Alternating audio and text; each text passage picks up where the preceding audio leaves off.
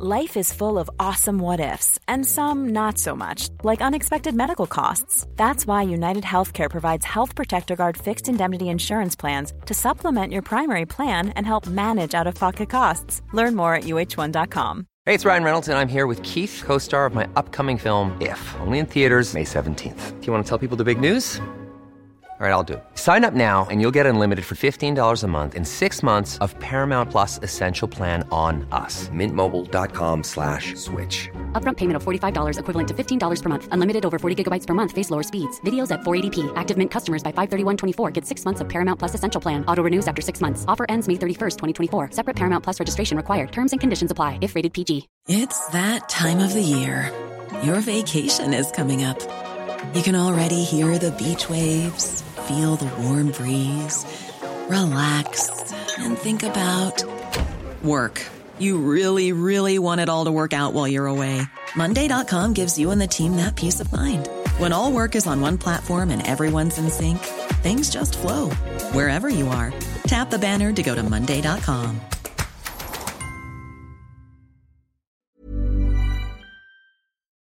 Hej och välkommen till avsnitt 149 av Haveristerna. Eh, vi kan börja med att säga att om du eh, bor i Malmö med omnejd så borde du ta dig till Babel nu på lördag den 21 maj eftersom vi kör livepoddar från 19.30. Insläpp från 18.30. Och de 20 första får en signerad poster. Signerad också. Sign ja, det så? Kan då måste vi köpa det. pennor. Vi kan inte bara köpa en penna, utan vi måste ha en penna var, så vi får lite fart på det där, så vi kan köra löpande band. Och så ska vi öppna 20 stycken sådana där, signera allihopa, och sen ska vi stoppa tillbaka dem utan att någonting går sönder och blir fel åt helvete. Uh, Ja. Då måste du göra allt så jävla omständigt. Vet du vad jag gör? Jag projektleder, det är vad jag gör. Jo, jag ser problemen. vem fan problemen behöver projektleda tre pennor? Ja, men du ser, det behövdes ju projektleda tre det pennor. Hur hade du gjort? Du hade köpt en det? penna, så ska vi sitta där och dela på en penna. Som Vi går förbi en jävla bokhandel när Ja. vi köper gå i hundra pennor, jag bryr stan. mig inte. Ja. Kastar dem i sjön. För det lät nyss som att du brydde dig en hel del. Ja, ganska mycket. Ja. Nej, men det, alltså jag, grejen är så här, jag bryr mig aldrig om det som liksom grejen som diskuteras eller beslutet som ska tas. Det som gör att jag går från noll till ljusets hastighet, det är när folk har fel. Och när folk tänker på ett annat sätt än vad jag gör. Ja, det på tal, om det, på tal om det, berätta för mig igen, hur var det egentligen med kvadrater och Ja, rektanglar? men det var precis så som, som både du och jag höll med om att det var Ja, hela vägen. Så det, det är inga det. konstigheter. Mm. Eh, men det var inte därför vi ska här, utan eh, nu ska vi snabbt köpa lite biljetter till Babel, 21 i femte 19.30 livepodd, Haveristerna i Malmö. Gud vad trevligt.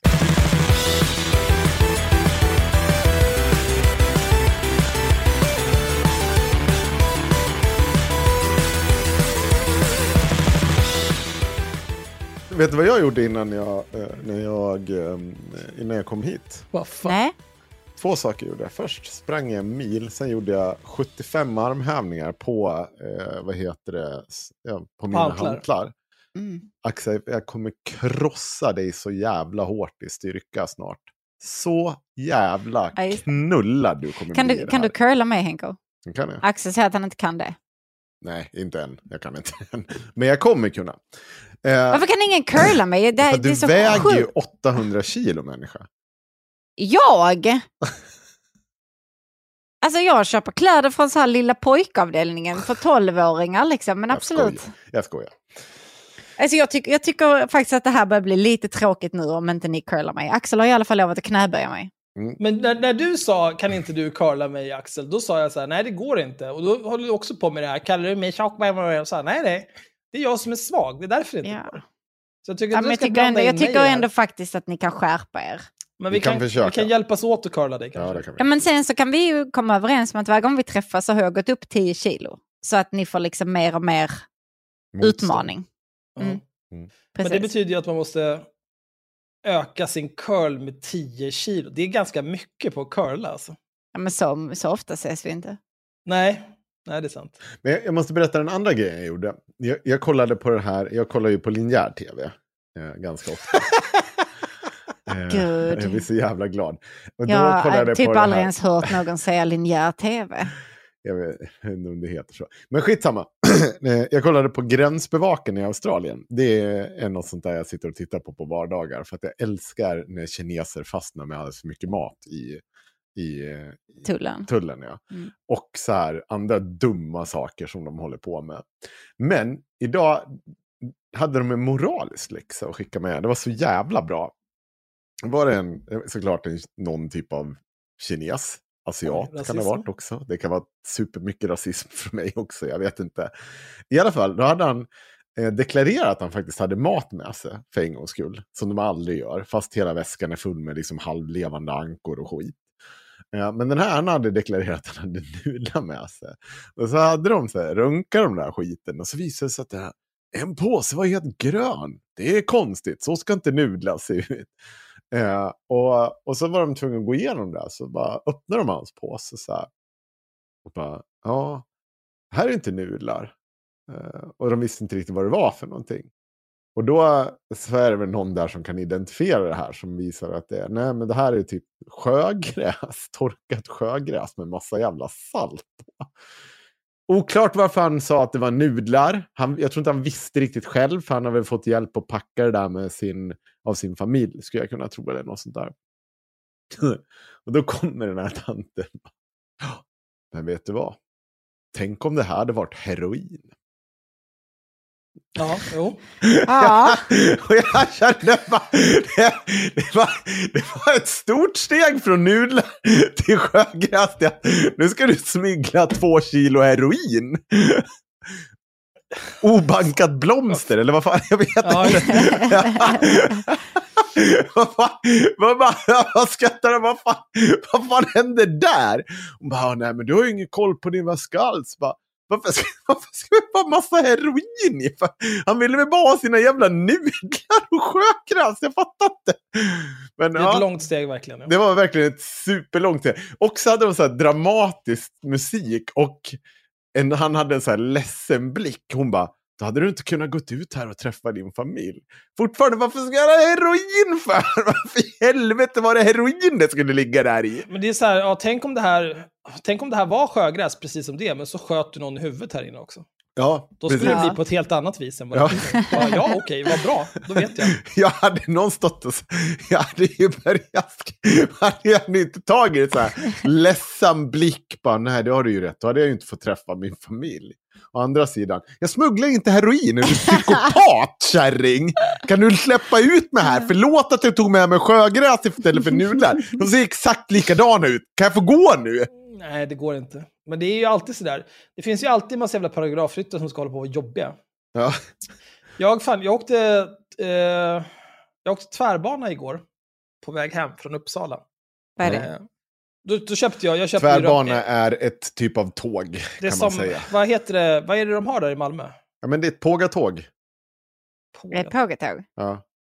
Ska jag säga. Det, Det, men det, det, så, så, det är räls. Men pågatåg i Stockholm måste ju ändå heta pojktåget. Ja, var det det du åkte? Ja, jag åkte pojktåget. Ja. Korrekt. Okej. Eh, Ja, men då så- hänger jag med. Ja, vad bra. Mm. Jag åker där i godan ro. Eh, har gått på pojktåget vid Gullmars, ska åka till Årstaberg för att byta till pendeln. Mm. Och jag köper ju eh, rabatterat pris eftersom jag är student. Och eh, gillar ordning och reda. Alltså jag ser ju ont Ah. i hjärtat att du får... Studentpriserna är inte till för dig, Axel. Jo De är inte till för dig.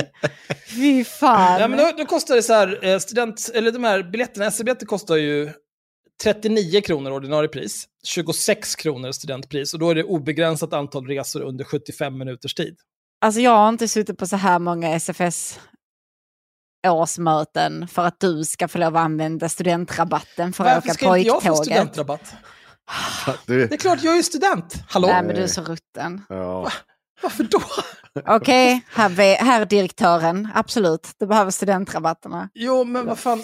Alltså, ska jag, det, ska det- jag betala nej, nej, mer nej. bara för att jag är Det förmögen? fina Det är ju helt sinnessjukt, jävla kommunister. Fan alltså. Men då sitter jag där i goda ro eh, och då, då är det två kontrollanter som går på också. Och då har man ju så här, man har en appjävel och så ska man ha man har biljetten i appen och så ska det scannas QR-koder och skit. Så jag håller upp den där. Och då ser jag att han pratar med mig, en av de här. Och tänker, vad fan är det här för skit nu då? Så då tar jag av mig hörluren och säger, ja hallå? Va, en gång till, jag hörde inte. Och så här, har du studentkort? Eh, och då fattar jag först inte vad han menar, för att jag tänker aldrig på att jag har, köper rabatterat eller någonting sånt. Så jag frågar igen och så, ah, studentkort, ja ah, visst. Så har jag också en till appjävel. Och i den så är det så här, visa kort och så visar den studentkortet hur länge det är giltigt och så här, vad man har för olika typer av rabatter och hej och hå. Eh, och jag hade SJ-rabatten men inte SL-rabatten tydligen. Eh, och jag vet varför jag inte har SL-rabatten, men jag kommer till det sen. Eh, för att få åka SL med rabatterat pris så krävs att man pluggar minst 75% på gymnasium, högskola, yrkeshögskola, whatever. Jag pluggar heltid så att eh, jag kvalar in på det där, det är inga problem. Eh, men då frågar han så här, ja men pluggar du eller? Givetvis, på grund av har ju ett studentkort, eller? Som är giltigt, eller? Hallå? Ja, nej, men då menar han så här, eftersom, inte finns, eftersom den här rabatten inte finns, då måste vi göra så här att eh, det, är fel här på ditt studentkort, så du får reda ut det med dem. Men under tiden så kommer jag skriva en tilläggsavgift för det. Och jag vet inte ens vad de där är på, men de är typ jag vet inte, 500 eller 800 eller någonting. Och sen ska man kriga för att få tillbaka de där pengarna. Men, men ska du betala ett... 500 spänn för att du har... Jo, men då skulle jag ju säkert här, jag skulle kunna fixa det där och sen skicka in intyg på att det är fixat och sen skulle de så här makulera det. Nej. Men det tänker ju inte jag göra, så jag sa så här, det kommer inte på fråga att jag gör det här. Jag kan absolut se till att liksom, de uppdaterar mitt eh, studentkort så att jag kan göra det. Och vet du vad jag också kan göra? Jag kan köpa en fullprisbiljett här och nu. Jag kunde inte bry mig mindre. Jag gör det, så behöver vi inte prata mer om det här tråkiga, så går vi vidare med våra liv allihopa. Då kommer den här andra horungen och bara, du ska inte hålla på och tjafsa, bä, bä, bä, bä, bä, bä. jag hör inte på. Och så försöker jag bara förklara, så men jag, jag vill inte tjafsa. Jag, jag ger dig en lösning här. Jag tänker inte legitimera mig på något vis. Du kan skriva ut en tilläggsbiljett. Skriv, ja, skriv den till Sven Svensson och lägg den här. Jag vet inte, vad ska du göra? Däremot så kan jag, jag fixa det här när jag kommer hem, för det ligger ju i mitt intresse att det här funkar liksom. Mm. Och så kan jag köpa en biljett till fullpris nu, så jag betalar 26 plus 39 kronor för det här. Så kan ni gå vidare med era liv, så behöver vi inte prata. Nej, det gick inte det. Så de asjobbiga, så här, du måste gå av tåget, annars så går vi inte vidare, bla bla. Så då gick jag av. Och sen så väntade jag tio minuter tills det kom ett nytt och så gick jag på det. Och så åkte jag till Årstaberg och så åkte jag hem. Så du, du gick av och köpte en riktig biljett? Ja, jag, jag, köpte faktiskt en riktig biljett. Men jag kunde lika gärna bara gått av och tagit nästa tåg. För de ja. åkte ju vidare. Det var inte ja. som att de kontrollerade att jag inte gick på nästa tåg. Jag, jag förstår att kontrollanter inte har det roligaste jobbet i världen. Jag förstår också att de måste någonstans förstå att om allt det här intygen finns och så har man råkat gjort ett fel. Då får man försöka vara lite flexibel och trevlig. Och så hanterar man det. Där, där skulle jag faktiskt vilja säga så här. Ja. Även om jag tycker att de här två kontrollanterna är horungar av rang, så ja. är det inte deras fel. Det här handlar ju om hur de, blir till, hur de blir upplärda att göra sitt jobb. De blir ju, de blir ju tränade att vara horungar. Det är därför de mm. alltid är horungar. Alla kontrollanter jag någonsin haft med att göra i Stockholms kollektivtrafik har varit horungar. Mm. Och anledningen till att de är horungar, jag, jag tar ju givetvis de tränas till horungar. För det, det är... Stockholms lokaltrafik kan brinna i helvete. Jag har aldrig åkt lokaltrafik i Stockholm, så jag vet jag inte. De kanske är, är horungar, vad fan vet jag. Så avstånd tar jag. Det är så dåligt. På pågatågen är de ganska Tamsons. trevliga, men eh, pojktågen kanske inte är lika, lika ja, trevliga. Nej, man hör ju på namnet bara. Pojktågen. Det, ja, man precis. blir bara arg. Ja, ja, eller hur. men jag vet i alla fall anledningen till att det här inte står på mitt eh, studentkort. För att jag kollade lite grann eller först, så här, eh, först eh, skickade jag ett meddelande till studentkortet via deras sida och så här förklarade att så här, jag pluggar heltid sen ditten datten, jag har studentkort, jag har inte SL-rabatten. Beror det kanske på att jag inte har ansökt om CSN? För att det finns ju asmånga myndigheter och skit som drar ja. info från CSN. Mm. Då svarar den här dumma jävla apan, nej jag vet inte om det är det det beror på, men du kan göra ditten datten. Skicka mig till en sida där det står uttryckligen att de hämtar sina uppgifter från CSN. Är du, är, är du på riktigt? Åh! Men då vet jag i alla fall att det är därför det inte funkar. Så nu kommer jag åtgärda det här. Mm. Sen ska jag ta ett kort på mitt studentkort. Eh, och sen ska jag ta ett screenshot på att jag köpte en, SMS, sms-biljett vid ett tillfälle. Och att jag 20 minuter senare köpte en sms-biljett till fullt pris. Sen ska jag höra av mig till SL och ska säga, som ni ser här, hela den här långa tråkiga historien ledde till att jag, som är en normal person, hedlig medborgare, köpte en extra biljett. För att jag vill inte vara den som eh, bryter mot några lagar eller förordningar. Men nu visar det sig att jag är ju berättigad till att resa med rabatterat pris, vilket betyder att jag köpte den här biljetten för 39 kronor helt i onödan. Så att jag skulle vilja att ni återbördar dessa 39 kronor till mig omedelbart, annars ses vi i tingsrätten era jävla råttor. 100% lawful evil är du. Nej men, alltså starta Psykopat. inget så blir det inget. Jag gav dem ju en lösning. Lämna mig i fred så, så struntar vi bara i det här. Jag, jag, jag, jag möter er halvvägs. Jag köper en biljett för heltid, så kan du få scanna den och säga så här, ja, du är en duktig cirkusapa, nu har du gjort ditt jobb. Och så åker jag hem och så löser jag det här, så pratar vi aldrig mer om det. Jag skiter fan i 39 kronor. Ta 390 kronor, ta 309, jag skiter i. Men det är principen. Du ska inte kunna knulla mig på pengar på det här viset genom att vara en jävla horunge. Aldrig i mitt liv. Åh, Gud, jag swishar dig äckliga 39 jävlar, kronor alltså. nu om du aldrig så- pratar om det här med Gud, mig. Jag önskar att jag hade kontanter här så jag kunde riva sönder. Ja. Ja, det är mitt liv. Nej men gud vad bra. Men det var trevligt i Uppsala. Mm. Ja, ni verkade ha det jättemysigt. Kunde du inte strukit din skjorta innan du gick dit? Nej, eh, det jag gjorde innan jag gick dit var att ta fram den där skjortan ur en Partykungen plastförpackning. Ja, det var lite så det såg ut ja. Ja, tack. Borde ha strukit den. Ja, men Ja, det är inte själva- den typen av liv jag lever. Själv har jag ju fått, ehm, det ska jag ta och betala nu medan vi gör det här. Jag har ju fått eh, en räkning här på eh, min, eh, jag var till Motala. Eller, jag jag åkte förbi Motala, där var det tydligen en bro som jag ska betala 10 kronor för att jag åkte över. Så där har de skickat en räkning på. Mm, vad bra. Det känns också som en sak som... Inte, kan man inte den- få sånt där på autogiro så man slipper bry sig? Jo, det kan man, men hur ofta tror du jag åker till Motala åker Nej, det är sant. Men, men det känns som att det där borde bara kunna gälla på alla vägar någonsin i hela Ja, Sverige. Så om det ändå så det vore rätt så eller Dela enkelt. upp det på något vis. Alltså centralisera den där skiten. Ja, Axel, det är fint att du tror att det funkar så. Men, det, Ja, men man hör ju att du bor i Stockholm. Ja, men du, du hörde ju precis vad jag lider i här för jävla Sovjet i tunnelbanan och pågatågen. Ja. Ja. Mm. Är. Computer says no. Nej, nej, Skåne är allting trevligt. Våra vägar är gratis och Men alla är ju är nazister hos snälla. Ja, alltså men det får man ju svälja om man vill åka trevliga tåg. Alltså, Ja, det är sant. Det skulle jag fan... Jag skulle hellre ta nazister än den här skiten. Jag pratade faktiskt med min kollega om det här om dagen. Han är så lite yngre kille och så sa han det, ja, alltså alla mina kompisar är lite så här rassiga och det är typ lite jobbigt. Och jag bara, alltså vi, vi har inte en chans. Vi bor här nere i Rasse och Nasse Central. Det, det kommer hända, vi har ingen chans. Det är bara, håll ut så länge du kan, sen får du väl också bli sur avdankad gammal rasist liksom. Som alla andra också. skåningar. Ja, man kan ju det, men vem vill det? Ja, det är sant. Då flyttar ni, då flyttar ni till Stockholm och förstör allting här. Ja, ja, just det. Av min döda kropp. Oh, Fy fan. nej, men det är för att du har varit här för få gånger. Vill du Ja. börja med något ämne, Axel? Medan jag betalar mina räkningar. Ja, ska jag läsa mina rubriker så får ni välja. Nej, vi, kan ta, eh, vi kan ta en sak här som är faktiskt väldigt konstig.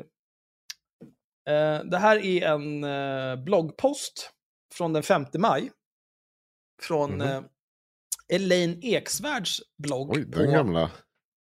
Den gamla dängan. Mobra.com. Mm. Mabra.com. Mm. Eh, Mabra. rubriken är Han kallade mig hora. Var det du? Ja, ja, nej, jag, alltså jag är ju, jag är nog en av den som, de som eh,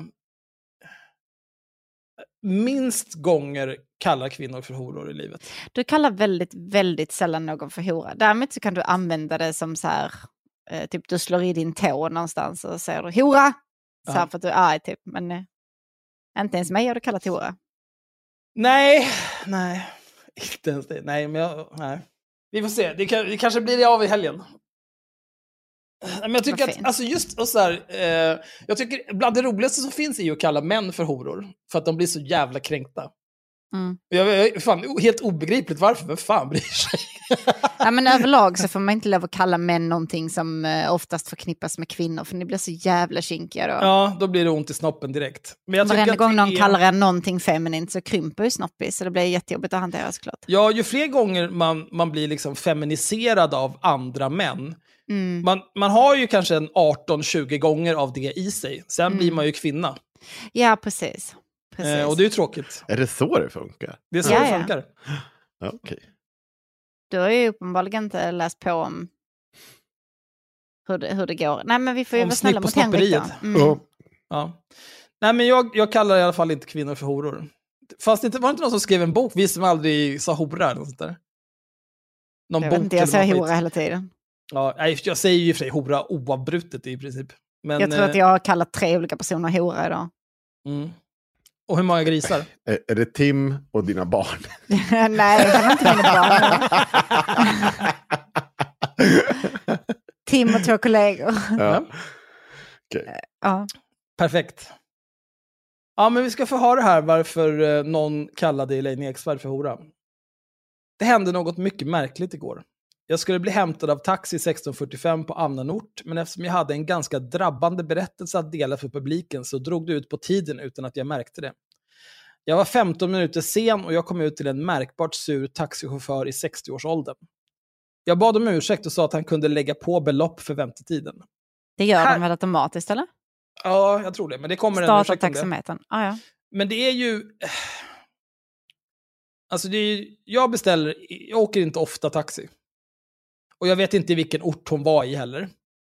Men, eh, alltså det, det, det är in this day and age, hur ofta vänt, får man vänta länge på en taxi så att det liksom är jobbigt?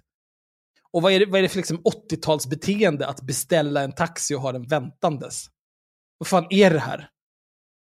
Jag, jag tycker bara det är sjukt att inte bara säga, men om du inte vet, det, det är ju, hon är ju en van föreläsare. Det är ju knappast första gången hon berättar en drabbande historia. Hon vet väl att det kan dra ut på tiden av olika anledningar. Är det inte smartare då att ringa en taxi när du är klar? Ja, ja, du gör som du vill. Det är fast pris, sa han och viftade irriterat mot taxametern. Okej, men då får jag dricksa. Jag ber om ursäkt, sa jag och bad om ursäkt för andra gången. Jag har ringt dig tre gånger, sa han och viftade irriterat i luften. Jag förstår, men jag är föreläsare och jag kan inte svara när jag föreläser, men jag ber om ursäkt. Jag har väntat. Här började jag faktiskt bli irriterad. Jag har då sagt förlåt tre gånger, erbjudit mig att dricksa, förklarat vad som ger fel och han fortsätter att klaga nästan hotfull, så jag säger nu har jag sagt förlåt tre gånger, erbjudit mig att dricksa och du fortsätter att klaga. Vad mer eh, vill du, antar jag att det ska vara här, eh, vad mer du att jag ska säga för att vi kan lämna det här? Då blir stämningen kokande i bilen. Jag börjar inse att det, att det är mycket mer bakom hans ilska än att jag kom 15 minuter sent. Hans fasta pris till flygplatsen var alldeles för lågt så det ante mig att något var fel. Och när en annan taxichaufför ringer mig och undrar var jag är så anar jag oråd. Den andra är 200 meter bort. Den arga taxichauffören är på väg till en annan flygplats än den jag ska till. Så jag ber honom att stanna, stanna och säger att det blivit fel. Är ni med på det här helt sinnessjuka händelseförloppet? Mm. Hon har hoppat in i fel taxi. Två Eller personer har beställt kidnappad. taxi till samma ställe. Nej, Eh. ja, mm, Samma ställe, samma tid. mm, Båda personerna som skulle åka med de här har blivit försenade. ja, Hon sätter sig i fel taxi. ja. Eh, taxichauffören bemödar sig inte med att kolla att det är rätt person. Den taxin hon faktiskt skulle åka med, vart är den någonstans? Den borde ju rimligtvis varit i närheten redan från början. Kommer inte Eh, den också vara sen? Ja, ja, det skulle vara det. Men jag vet inte, redan här känner jag att det är... Det är väldigt mycket nu.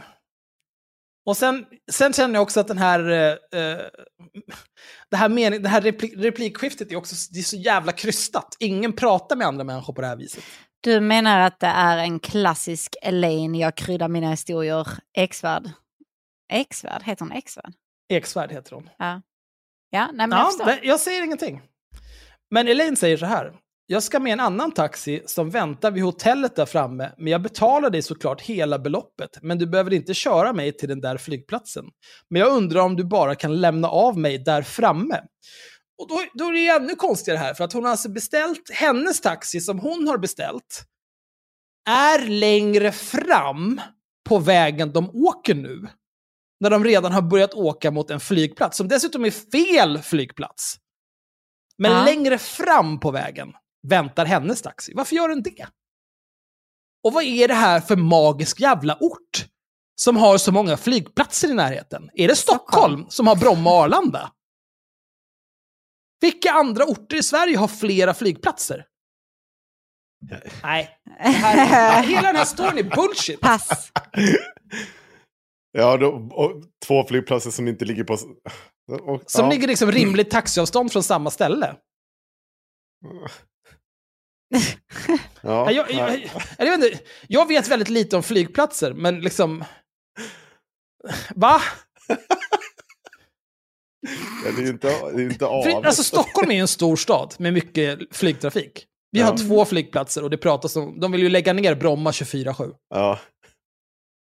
Så vilken annan ort har ett behov av två flygplatser och har faktiskt två flygplatser?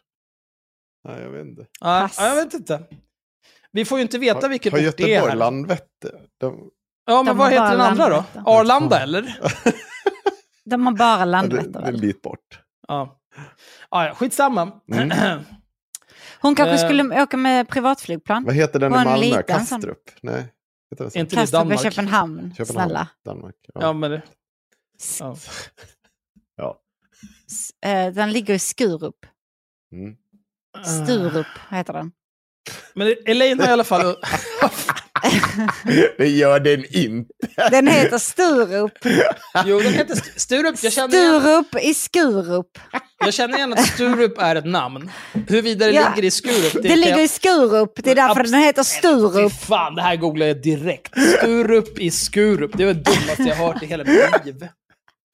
För fan, det här är ju såhär Varan-TV. Pattpung! Det Men var den det dummaste! Sturup och den ligger i Skurup. Getting from Skurup to Sturup Airport Malmö. Nej, dra mig baklänges. I told you. Alltså, Det är det mest efterblivna jag Håll inte på, don't mess with Skåne. Det här är vad livet jag Vi lever. har tre namn, det är de vi Vilka jävla kromosomexplosioner ni är där nere. Vi har Pågatågen, vi har Sturup i Skurup. Det Jag älskar att ni båda två trodde att det var ett skämt, men det var verkligen. men hur kan det inte vara ett skämt? Ja, ja, vi har i alla fall Ja. inga orter som heter typ Fittja och Trosa och sånt. Vi Det, kan ju i alla vet, fall vi har en, en som heter Krigslida också. Oj, det är fantastiskt vackert. Jag önskar att jag bodde i Krigslida. Det finns också en ort som heter Pungpinan. Eller en station. Mm. Ja, det är toppen. Ah, Elaine har i alla fall undrat här. Men jag undrar om du bara kan lämna av mig där framme. Du vet, där framme, längre fram på vägen, där hennes taxi som hon beställde Ja, och en precis. kvart sent till står och väntar. precis. Eh, det är på andra sidan vägen, säger han förbannat. Och nu börjar jag bli irriterad. Du har redan börjat bli irriterad tidigare. Här började jag faktiskt bli irriterad. Jag har då sagt förlåt tre gånger. Hur många gånger kan du börja bli irriterad? Skriv bara att du... Hon kanske lugnar ner sig Snart emellan. lackar jag ur. Ja. Snart får du stryk. Ja, snart fan. Då tar jag av mig klackarna och sen åker vi din jävla apa.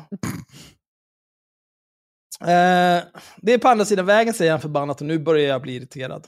Det är en rondell där. Vet du vad? Skitsamma. Jag betalar, du kan släppa av mig här på parkeringen.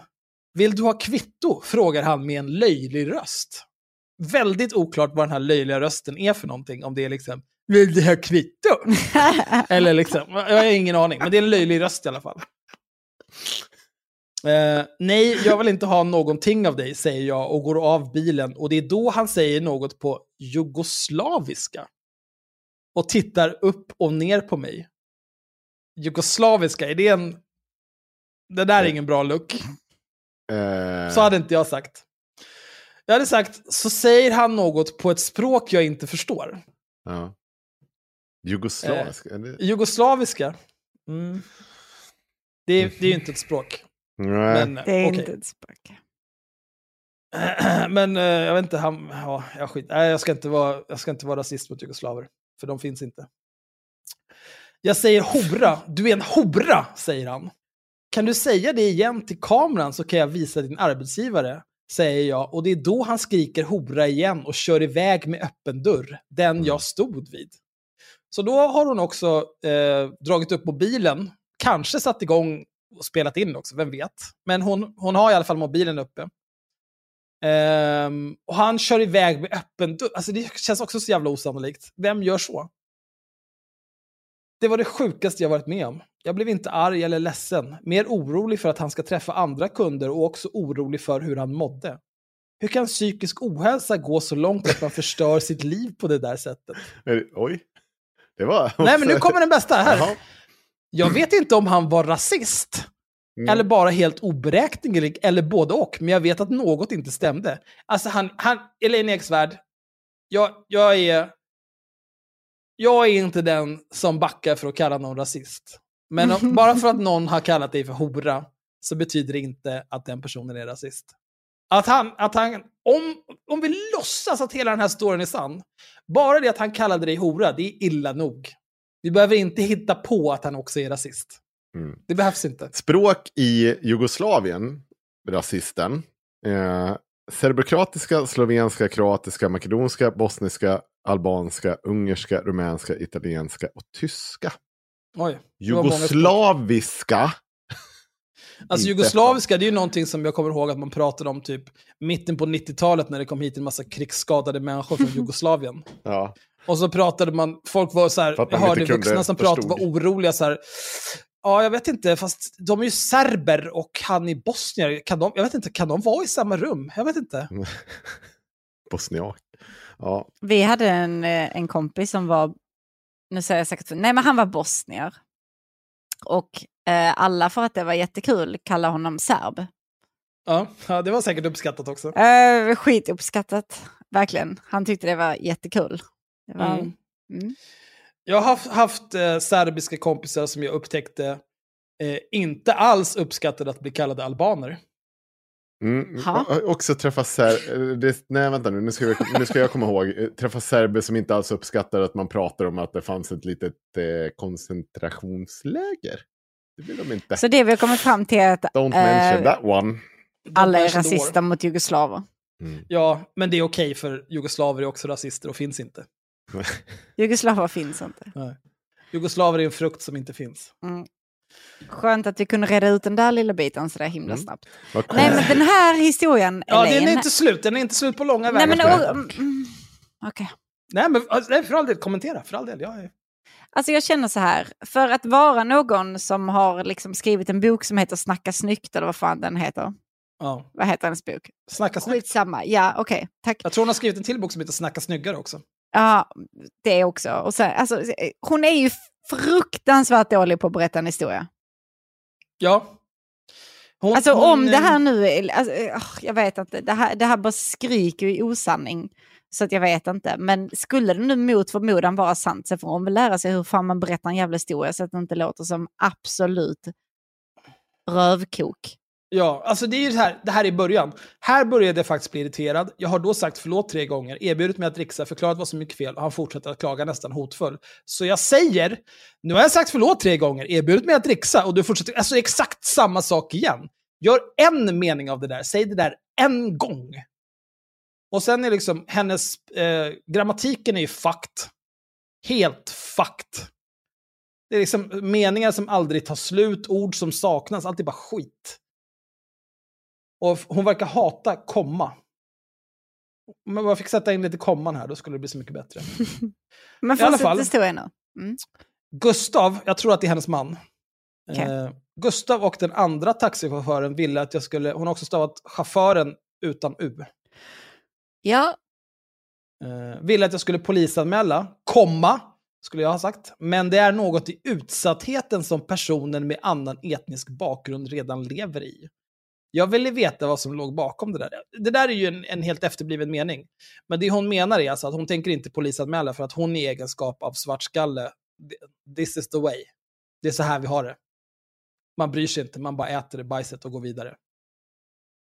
Eh, jag ville veta vad som låg bakom det där. Jag ringde upp hans arbetsgivare som sa att ville jag polisanmäla så förstod han det och han skulle prata med mannen.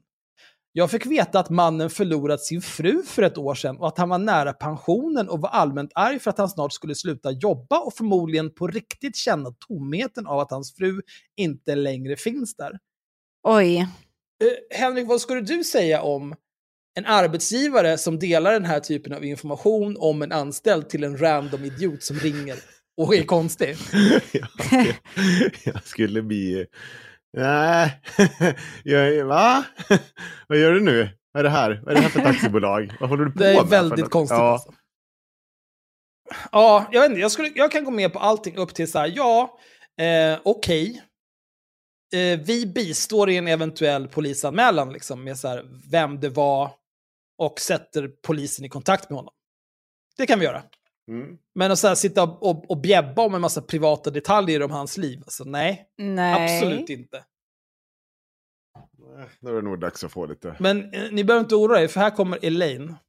Det är verkligen, alltså, nu är ju inte Elaine vit, men varje gång jag läser eller ser någonting som har med Elaine Eksvärd att göra, då tänker jag Oh look, the white lady has an opinion.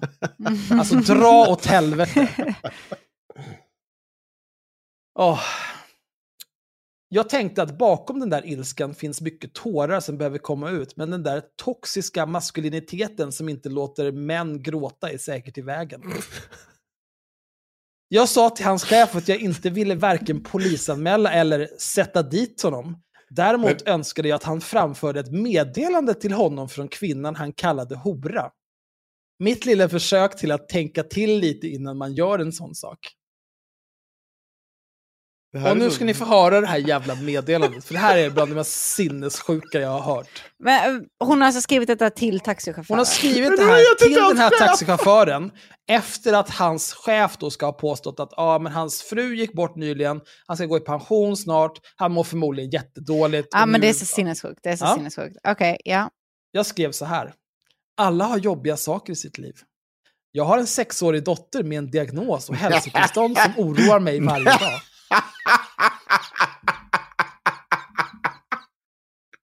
Varför måste det bli så jävla...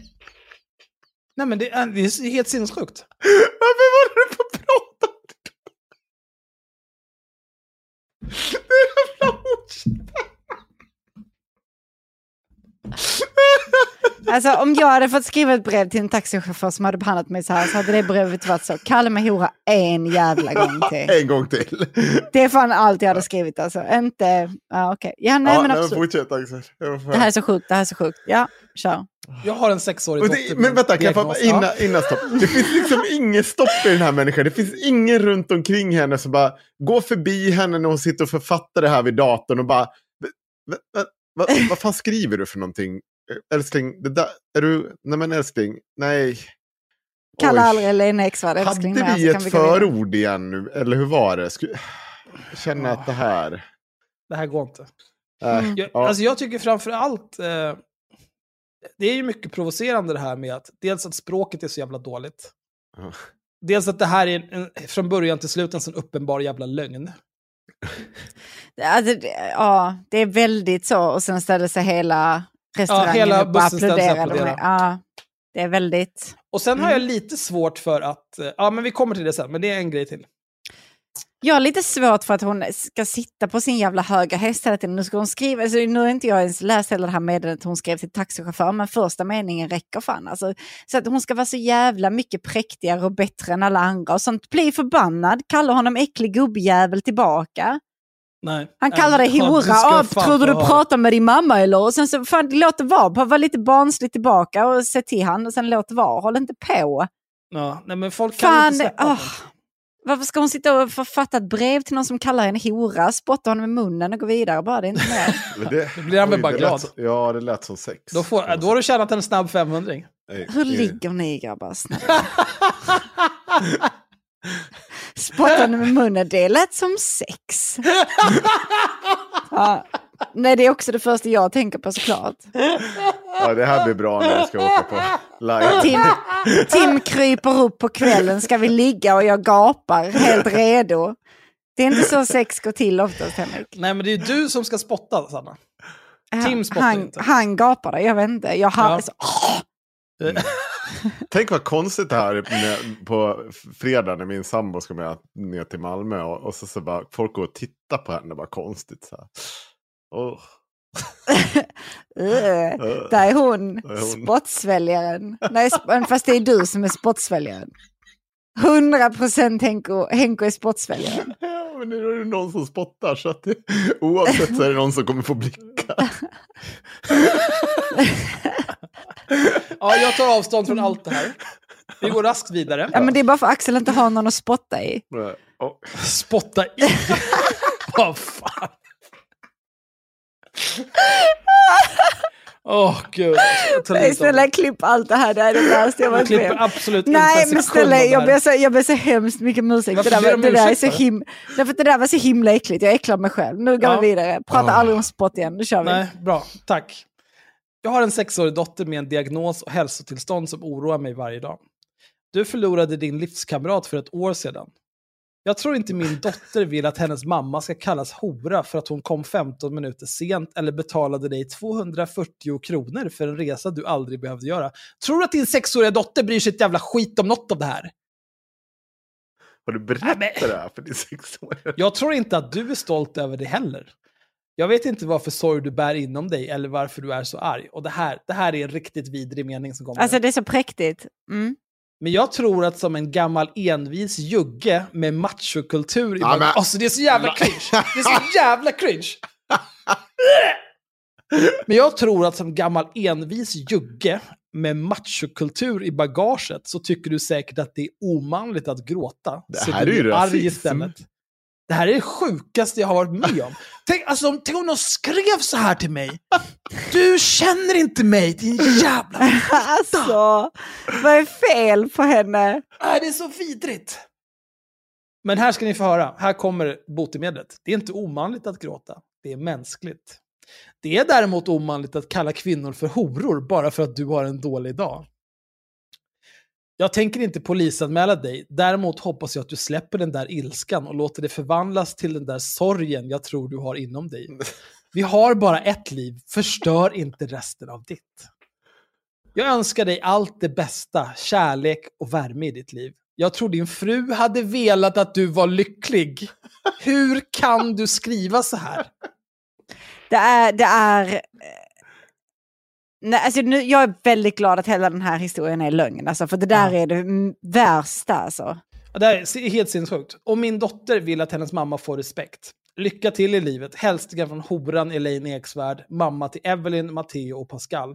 Sen skickar jag med honom lite bilder. Då har hon liksom skickat bilder på sig själv med hennes barn. Nej men snälla. Va, varför skulle han vilja se det här? Nej, men det är så sjukt. Alltså det kan- är så sjukt. Jag kan också tycka att det är lite... Alltså, Jag är glad Visst, det är ju jag hen- det är hennes ungar. innan. Ja, men Ja. Det är ju hennes ungar sådär, men jag kan tycka att det är lite integritetskränkande att hon lägger ut liksom, eh, bilder på sin do- sexåriga dotter som har någon typ av diagnos och, och så här sjukdomsbild eller någonting. Det är liksom, när hon blir större, då kanske inte hon är intresserad av att det där ska finnas på internet. Nej, Eller att folk ska kunna veta om det överhuvudtaget. Hon kanske Ja, men inte är det kan, jo, men på, ja, men det, det är väl inte, så här, det, det där kan, jag har ju lagt ut bilder, jag kan inte säga emot, jag har ju lagt ut bilder på mina barn. Men, men du kan ju inte, det är problemet här att eh, enligt hon själv så har hon ju skickat det till någon random jugge som har någon typ av mommy issues och, och är så djupt störd. Som sitter och skriker hora till kvinnor. Då har Ja, skickat är bilder på sina barn till den här. Ja, ja, jag vet inte. Jag, Jag tycker det är det konstiga. Ja, det är också konstigt. Men här kommer sluttampen då. Jag vet inte om det kan göra skillnad, komma Elaine, men jag tänker för första gången i mitt liv så kunde jag istället för att bli arg eller vilja ge igen faktiskt tänka, han mår nog inte så bra. Men du, ingen det, det här kommer inte tolkas som att du gör någon snäll sak. Det är, det är inte så normalt. Nej, men hon tycker ju att hon var bussig. Ja, För att hon, hon betalade ju för den här taxiresan trots att hon inte skulle åka med. Och hon tänker inte polisanmäla honom. Hon gör ju i princip honom en tjänst. Mm. Det är Det- så hon mm. tänker det. precis. Det här är Elaine. Hej lilla gubben! Hur mår du? Mår inte bra. Gud vad tråkigt att du är CP. Nu, förlåt, jag sa, förlåt, jag sa CP, det var inte Fjällig. meningen. Förlåt, fjällig. det var länge sedan vi sa fjällig. Ja. Du är dum i huvudet. Det är inte vad jag säger, Nej, men- men... du är dum. Alltså kliv av, kliv av din 5000 meter höga häst. Kom tillbaka till verkligheten. Gör inte Det det, här du är lögn, det här är rasism, det här är eh, så fruktansvärt präktigt och förjävligt. Eh, Det här, ja, det här är något av det värsta jag har läst på väldigt länge. Och då sitter jag ändå och betar igenom Anna Björklunds bok just nu. Ja. ja, det är inte slut. Nej, Sen är det såklart... Nej, men det här är, det bara, inte det här, det här är absolut där? sista nu. Ah, Sen är det såklart allvarligt att kalla folk för hora, men jag tror att det är sådana personer som behöver den större bilden och även att jag fick veta att det var mycket sorg bakom den där ilskan. Jag kanske gjorde helt fel, men jag gjorde i alla fall något för mig helt nytt. Vad hade ni gjort? Inte det där. Inte Jag hade inte ljugit ihop Inte den här det. historien. inte, nej, inte något av det där. Och dagen innan så har de postat om när hon var på Elgalan. Alltså hade taxin varit sådär fruktansvärt obehaglig som hon sa när han kom dit så hade jag sagt okej, tack, vet du vad, hej då. Och sen Ja. så hade jag vägrat hoppa in i den fucking taxin. Och där hade min historia varit slut. Ja. Varför fick inte vi vara med på Elgalan? Ja, Axel. Men sen gör jag också så här när jag ska Ditt gå in i en taxi, mode. när jag ska gå in i en taxi som jag har bokat, så jag är så här, hej, är den till Sanna? Och så Ja. säger de, ja, Sanna Fielding. Och jag bara, ja tack, det är min taxi. Mm. Eller kanske du ska testa det nästa gång. Ja, och kanske också så här, den taxi du faktiskt ska ta kanske du inte ska beställa så att den står och väntar på dig halvvägs till den flygplats du inte ska till. Nej, Det är också en grej. framför allt det. Hörni, Ja, vill du dö? ja, det vill jag. Men jag vill också prata om någon annan som säger sjuka saker. Eh, och jag tänker faktiskt uppmana våra läsare att, jag vet att vi har fått tips om den här herren och jag skulle gärna vilja ha in eh, att ni åter knyter kontakter med oss. Ehm, eh, för det är nämligen så att jag sitter och kollar på linjär tv. Det finns ett program på SVT som heter Vem mördade den svenska skolan? Som precis har släppt sitt sista avsnitt. Just det, det skulle jag ju säga. Otroligt bra. Du kommer tycka det är superbra. Jesper Rönndahl är ju ja, Jesper Rönndahl är Riktigt toppen. rolig. Men eh, i eh, femte avsnittet eh, så um, eh, tar de upp lite om IT, liksom hur man skulle i- börja syssla med IT i skolan. Och då kom eh, en, då pratar man om en anonymiserad namn, så, en man som står och kör massa jävla föredrag för flera hundratusen i skolan och gör olika typer av eh, framtidsdokument. Men man säger inte vem den här mannen är. Men det är, han heter to, Tor, tro, Troed Troedsson heter han. Eh, och eh, han är någon typ av, eh, jag vet inte vad, hippie, eller så, vad ska jag säga så här. Eh, om en entreprenör inom skolan, ni vet så här, liksom bara flum, flummar runt och säger massa visdomsord. Jag vet inte, friskolans Linnea Claesson ungefär. Perfekt. Eh, och fan, då tar de upp ett dokument som jag tänkte att jag skulle läsa för. Det här har Jenny Maria Nilsson, en frilansjournalist tror jag hon är. Vänta, jag ska kolla. Troed Troedsson. Eh, men hon, hon har sett och granskat det här en hel del. Jag vill ge henne cred för det här. Eh, hon har eh, tagit fram ett eh, dokument, framtidsdokument för Staffanstorp. Eh, Ja, denna nej. underbara kommun. Som jag inte alls tycker om. Men Staffan. Och då har Tor, Troed Troedsson skrivit det här dokumentet. Nu ska jag läsa det här. Eh, Det här är egentligen, jag tror det är tre, fyra sidor, men det här är en sida hon har tagit fram. Och det läser de även upp delar av i Svenska nyheter, men jag ska läsa hela det dokumentet. Är ni med nu då? Ja. För nu ska vi åka. ja. Skolan ska vara ett smak på, smakprov på framtidens arbetsplats. Vi vet väldigt mycket hur de arbetsplatser kommer att se ut vid vilka våra elever kommer att hamna. Om skolans uppgift är att förbereda elever för, för det framtida livet finns det förmodligen inte något bättre sätt än att faktiskt låta dem arbeta i en framtida miljö. En sådan miljö kommer att kännetecknas av tre tydliga egenskaper. Är ni med nu? Mm. Ja, nej. Ja, okej. Ja. Det första är mobilitet. Varje verktyg, hjälpmedel eller symbol som antyder att en viss aktivitet är knuten till en viss plats skulle vara borta. Det låter milt efterblivet. Ja, för att det betyder ju att... Till Alltså, du, om du till Allt exempel- arbete kan ske på distans. Ja, fast det är inte Alltså, riktigt det- det de säger. Alltså, Jag kan det- fortsätta. Laboratoriesalen, Jaha. boksamlingen, gympasalen och rektorsexpeditionen finns inte kvar. Nej. Inte för att det är för att det bästa sättet att lära ut kemi, träna biceps eller leda verksamhet, utan därför att det är det bästa sättet att illustrera och simulera framtiden. Va? Det är, ja, Men Ska, vi, ska jag ta det igen? ja men, det- De har tagit bort kemisalen. jag läser igen. Är ni med nu då? Vad har, vad har de sina sådana skåp med luften och sånt och så man inte dör när man sitter och läser Du, kemi du menar sånt som måste liksom vara i speciella utrymmen och Ja, sånt? precis. Så att du inte springer runt med basketbollen just där inne där du kan spränga någonting. Ja, Ja. det är det jag menar. men det, det är inte framtiden, Sanna. Nu läser jag igen. Nej, Det första är mobilitet. Varje verktyg, hjälpmedel eller symbol som antyder att en viss aktivitet är knutet till en viss plats skulle vara borta. Laboratoriesalen, boksamlingen, jag vet inte varför han säger boksamling, det heter väl Biblioteket? Ja, Ja. gympasalen och rektorsexpeditionen finns inte kvar. För tydligen bara springer vi runt nu med en boll inne på gympa, eller på Ja. rektorsexpedition samtidigt som kastar böcker på varandra. Inte för att det är det bästa sättet att lära ut kemi, träna biceps eller leda verksamhet. Utan därför att det är det bästa sättet att illustrera, illustrera och simulera men hur är det framtiden. det bästa sättet att illustrera framtiden? Men också så här... då- eh, Jag, jag är bara väldigt upprörd med det här, hela den här kemigrejen. Alltså då kan man inte ha så här rökfria zoner och sånt. För Nej. det är ju knutet liksom. Så, här, Ja. så att, äh, här, äh, Ja, Men det, men det är också så här, eh, rektorsexpeditionen. Det- Tänk om så här, någon eh, gammal elev hör av sig. Ja, eller ja, vi, vi, vi gör det bästa. En, en gammal elev kommer dit och vill ha ut sina gamla betyg. Hur ska han hitta till de som jobbar i Nej. rektorsexpeditionen?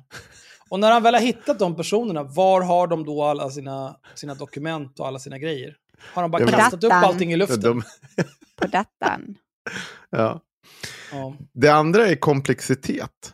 Mångfald, helhetsbegrepp på samhällsfrågor, gränsupplösning mellan arbete och fritid eller integration mellan skola och arbetsliv är egentligen tecken på samma sak. Vi går mot en framtid där varenda gräns blir ifrågasatt och så småningom upplöst. Absolut inte. Gränsupplösning mellan arbete och fritid. Knulla dig själv. På riktigt. Inte en jävla chans. En skola som är, fram, som är, en skola som är framtiden har inte klasser, lektioner, stadier, elever eller lärare. Den har istället ett oerhört komplex miljö där människor pusslar med sig själv i sina avsikter och sina resurser för att komma ut ur dagen rikare än de kom in. Men hur Varför ska är de det här- lära sig varför hur är man det gör det om ingen lär dem någonting? Varför är det här eh, Montessori på crack?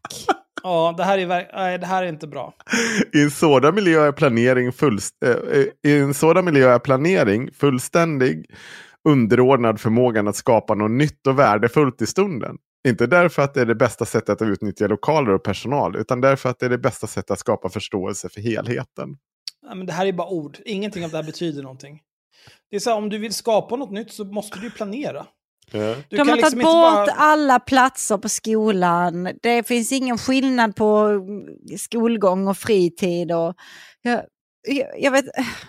Jag hatar allt det här. Allt det här hatar jag. Mm, sista punkten nu. nu Jag som alltså satt och berömde Axel innan för att eh, han var så himla administrativ och hade i ordning och Mm. Excel och det är stadgar och så. Och, ja, det, här, det här kliar min hud. Den tredje är subjektivitet. En simulerad framtid bygger på människor i allmänhet och unga människor i synnerhet äger sin sanning och sina egna föreställningar om resans mål och mening. Vadå äger sin sanning? Vad ska det betyda? Ja. Det finns inget rätt eller fel. Allt som görs i en framtidsskola är svaret på något som en elev faktiskt behöver och anser sig behöva. Skolan måste... Anser sig behöva. Vet ni vilka som är de största Alltså idioterna? Barn. idioterna. Barn har ingen fucking aning. Noll jävla aning. Om det Alltså långt barn... upp i 20-årsåldern så är du en jävla idiot. Det finns liksom ingen... De anser sig behöva, ursäkta?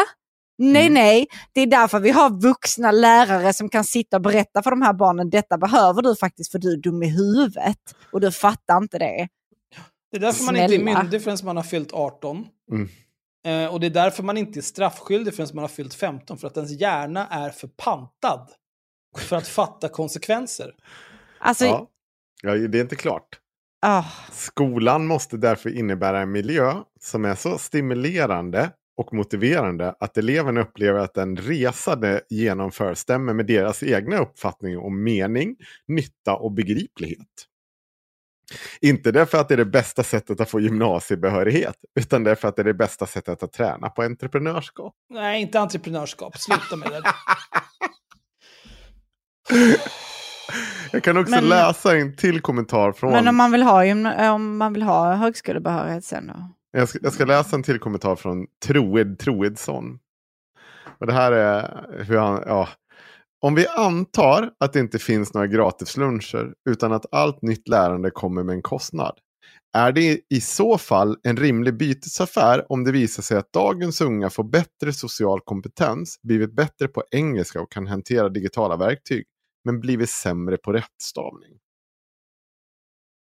Nej. Hör ni, hör ni här vad som händer här? Kan du ta det där en gång till bara? Ja, vi tar det. Om vi antar att det inte finns några gratisluncher utan att allt nytt lärande kommer med en kostnad. Är det i så fall en rimlig bytesaffär om det visar sig att dagens unga får en bättre social kompetens, blivit bättre på engelska och kan hantera digitala verktyg, men blivit sämre på rättstavning? Ja, men det är ju väldigt rimligt. Men, men, Ja, fast är Men det är det rimligt så att u- u- kunskap trängs bort för att du lär dig? Nej, men framförallt, är det så? Du kan ju säga så här, ja men är det bättre att, att äta glass än att äta bajs om Mm. du fattar de här valen? Men det Ja, handlar nej, ju inte om att, är det handlar inte om att kunskap trycks bort. Ja, men vänta, Alltså, jag ska läsa vidare, för då är det en som svarar. Karin svarar hon. Min, anst- min anställde Malin är 26 år. Men hon gick i skola på 00-talet och därför bättre på att stava än de som gick i skolan på 90-talet. Min styvson på 13 år stavar engelska tio gånger bättre och jag, än jag och pratar klart bättre. Han råkar vara dansk och är riktigt bra på rättstavning enligt hans lärare. Jag kan inte bedöma danska, så vad är motsatsförhållandet? När jag tittar på andra runt 25 är stavning också bra i den mån jag ser sånt. Jag kan bara konstatera i min, i, i min bransch, inom e-handel, är rättstavning jätteviktigt. Liksom alla sociala forum där det är viktigt att kunna uttrycka sig väl och stava rätt. Och då svarar eh, Troed så här. Jag började med antagandet att det finns ett motsatsförhållande. Att varje ny mänsklig förmåga kommer till kostnad av att vi tappar något vi hade förut. Det vill säga att vi tappar stavning Varför om vi lär oss göra det? social Det är det kompetens. mest och efterblivna jag har hört i hela mitt liv. Ja, men det här är... Nu kommer vi till varför det här är extra efterblivet. Vet ni vad det här dokumentet kostade? Som to- Nej. Tord som tror att vi tappar stavning om vi lär oss bra engelska. Nej, 300 Nej, jag vill inte 000. veta. Nej, men det där är för dyrt. vem har betalat det? Kommunen. Vilken kommun? Staffanstorp. Jag behöver ringa Jaha, ett samtal ja, här ja, det, med köttskallen. Ja, När fast det här, det? jag vet faktiskt inte om han var där då, om jag ska vara Nej. helt ärlig. Så jag kan inte... Jag kan inte Men när Men var, det varför här? skulle detta dokumentet tas fram? Eh, nej, men det var ett framtidsdokument. Det ska berätta hur det ska vara i framtiden i Staffanstorp. Men när tog de fram det? Eh, jag faktiskt inget, undrar det var, men någonstans i mitten på 2010-talet tror jag. Eller kanske lite tidigare. Men han är fortfarande extremt aktiv. Och jag, eh, alltså så han är så otroligt aktiv. Eh, tror jag. Jag vet att eh, vår klippare hörde av sig till mig när han såg att vi var vänner. Och han bara, varför är du vän med den där jävla? Ja, och så sa han massa saker som är förmodligen förtal om jag säger dem högt. Han var Ja. väldigt, väldigt upprörd över det här. För grejen är så här. Eh, Mm. Christian Sonesson tillträdde i... ehm, 2013 tillträdde han. Ja, ja Men det är så. oklart. Alltså det här vet jag för att eh, det finns en artikel publicerad i Dagens Samhälle. Från 2013, november. Spritfesten i över i Staffanstorp. De har varit i Cannes och supit bort eh, skattebetalarnas pengar. Ja. Ja, jag är, jag är inte chockad med tanke på att de har super bort skattebetalarnas pengar på det här dokumentet. Så att, eh, jag vet inte. Men nej, men jag tycker att eh, absolut, det var ju, det var speciellt. Moderaterna styr i Staffanstorp. Om det var det där. De har väl styrt där länge känner jag. Oj. Ja, nu såg jag ju precis att det fanns en som hette Troed Troedsson eh, för, för eh, typ hundra år sedan. Eh, inte denna vi pratar om, men han bodde i. Porrarp. Perfekt. Eh, så jag tar tillbaka allting jag sa om att Skåne inte har massa fula eller smuskiga namn. Ja. Porrarp är... Lyssna Men, på det eh, här. På det här. Moderaterna styr i Staffanstorp. De ska hålla på och granska och ta in advokatbyråer som ska reda ut det. Bara det här citatet är otroligt bra. Men oppositionsborgarrådet Pierre Sjöström, Socialdemokraterna, som också varit med på resorna, är nöjd med de åtgärder som nu vidtas. Han beklagar avsaknaden av tydliga policyer och regler i kommunen och den alkoholkultur som frodats. Pierre Sjöström reagerar mot att hela gruppen från Staffanstorp som åkte till Cannes stämplats och dragits över en kam. Alla är inte lika insyltade. Jag drack till exempel ingen gammeldansk på Kastrup till frukosten. Det framgår av kvitton. Alla tog en, utom jag. Bra gjort. Ready to pop the question? The jewelers at BlueNile.com have got sparkle down to a science with beautiful lab grown diamonds worthy of your most brilliant moments. Their lab grown diamonds are independently graded and guaranteed identical to natural diamonds, and they're ready to ship to your door. Go to BlueNile.com and use promo code LISTEN to get $50 off your purchase of $500 or more. That's code LISTEN at BlueNile.com for $50 off. BlueNile.com code LISTEN. Ever catch yourself eating the same flavorless dinner three days in a row? Dreaming of something better? Well, HelloFresh is your guilt free dream come true, baby. It's me, Gigi Palmer. Let's wake up those taste buds with hot, juicy pecan crusted chicken or garlic butter shrimp scampi. Mm. Hello Fresh. Stop dreaming of all the delicious possibilities and dig in at HelloFresh.com. Let's get this dinner party started.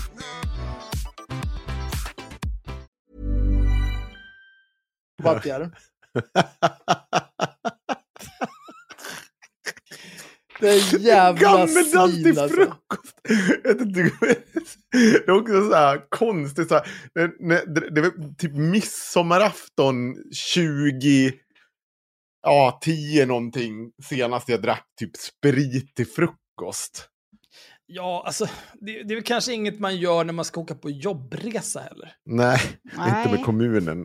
Nej, alltså jag, jag tänker så här, är det så här Berras bilmek Ja. som ska åka på grisfest någonstans?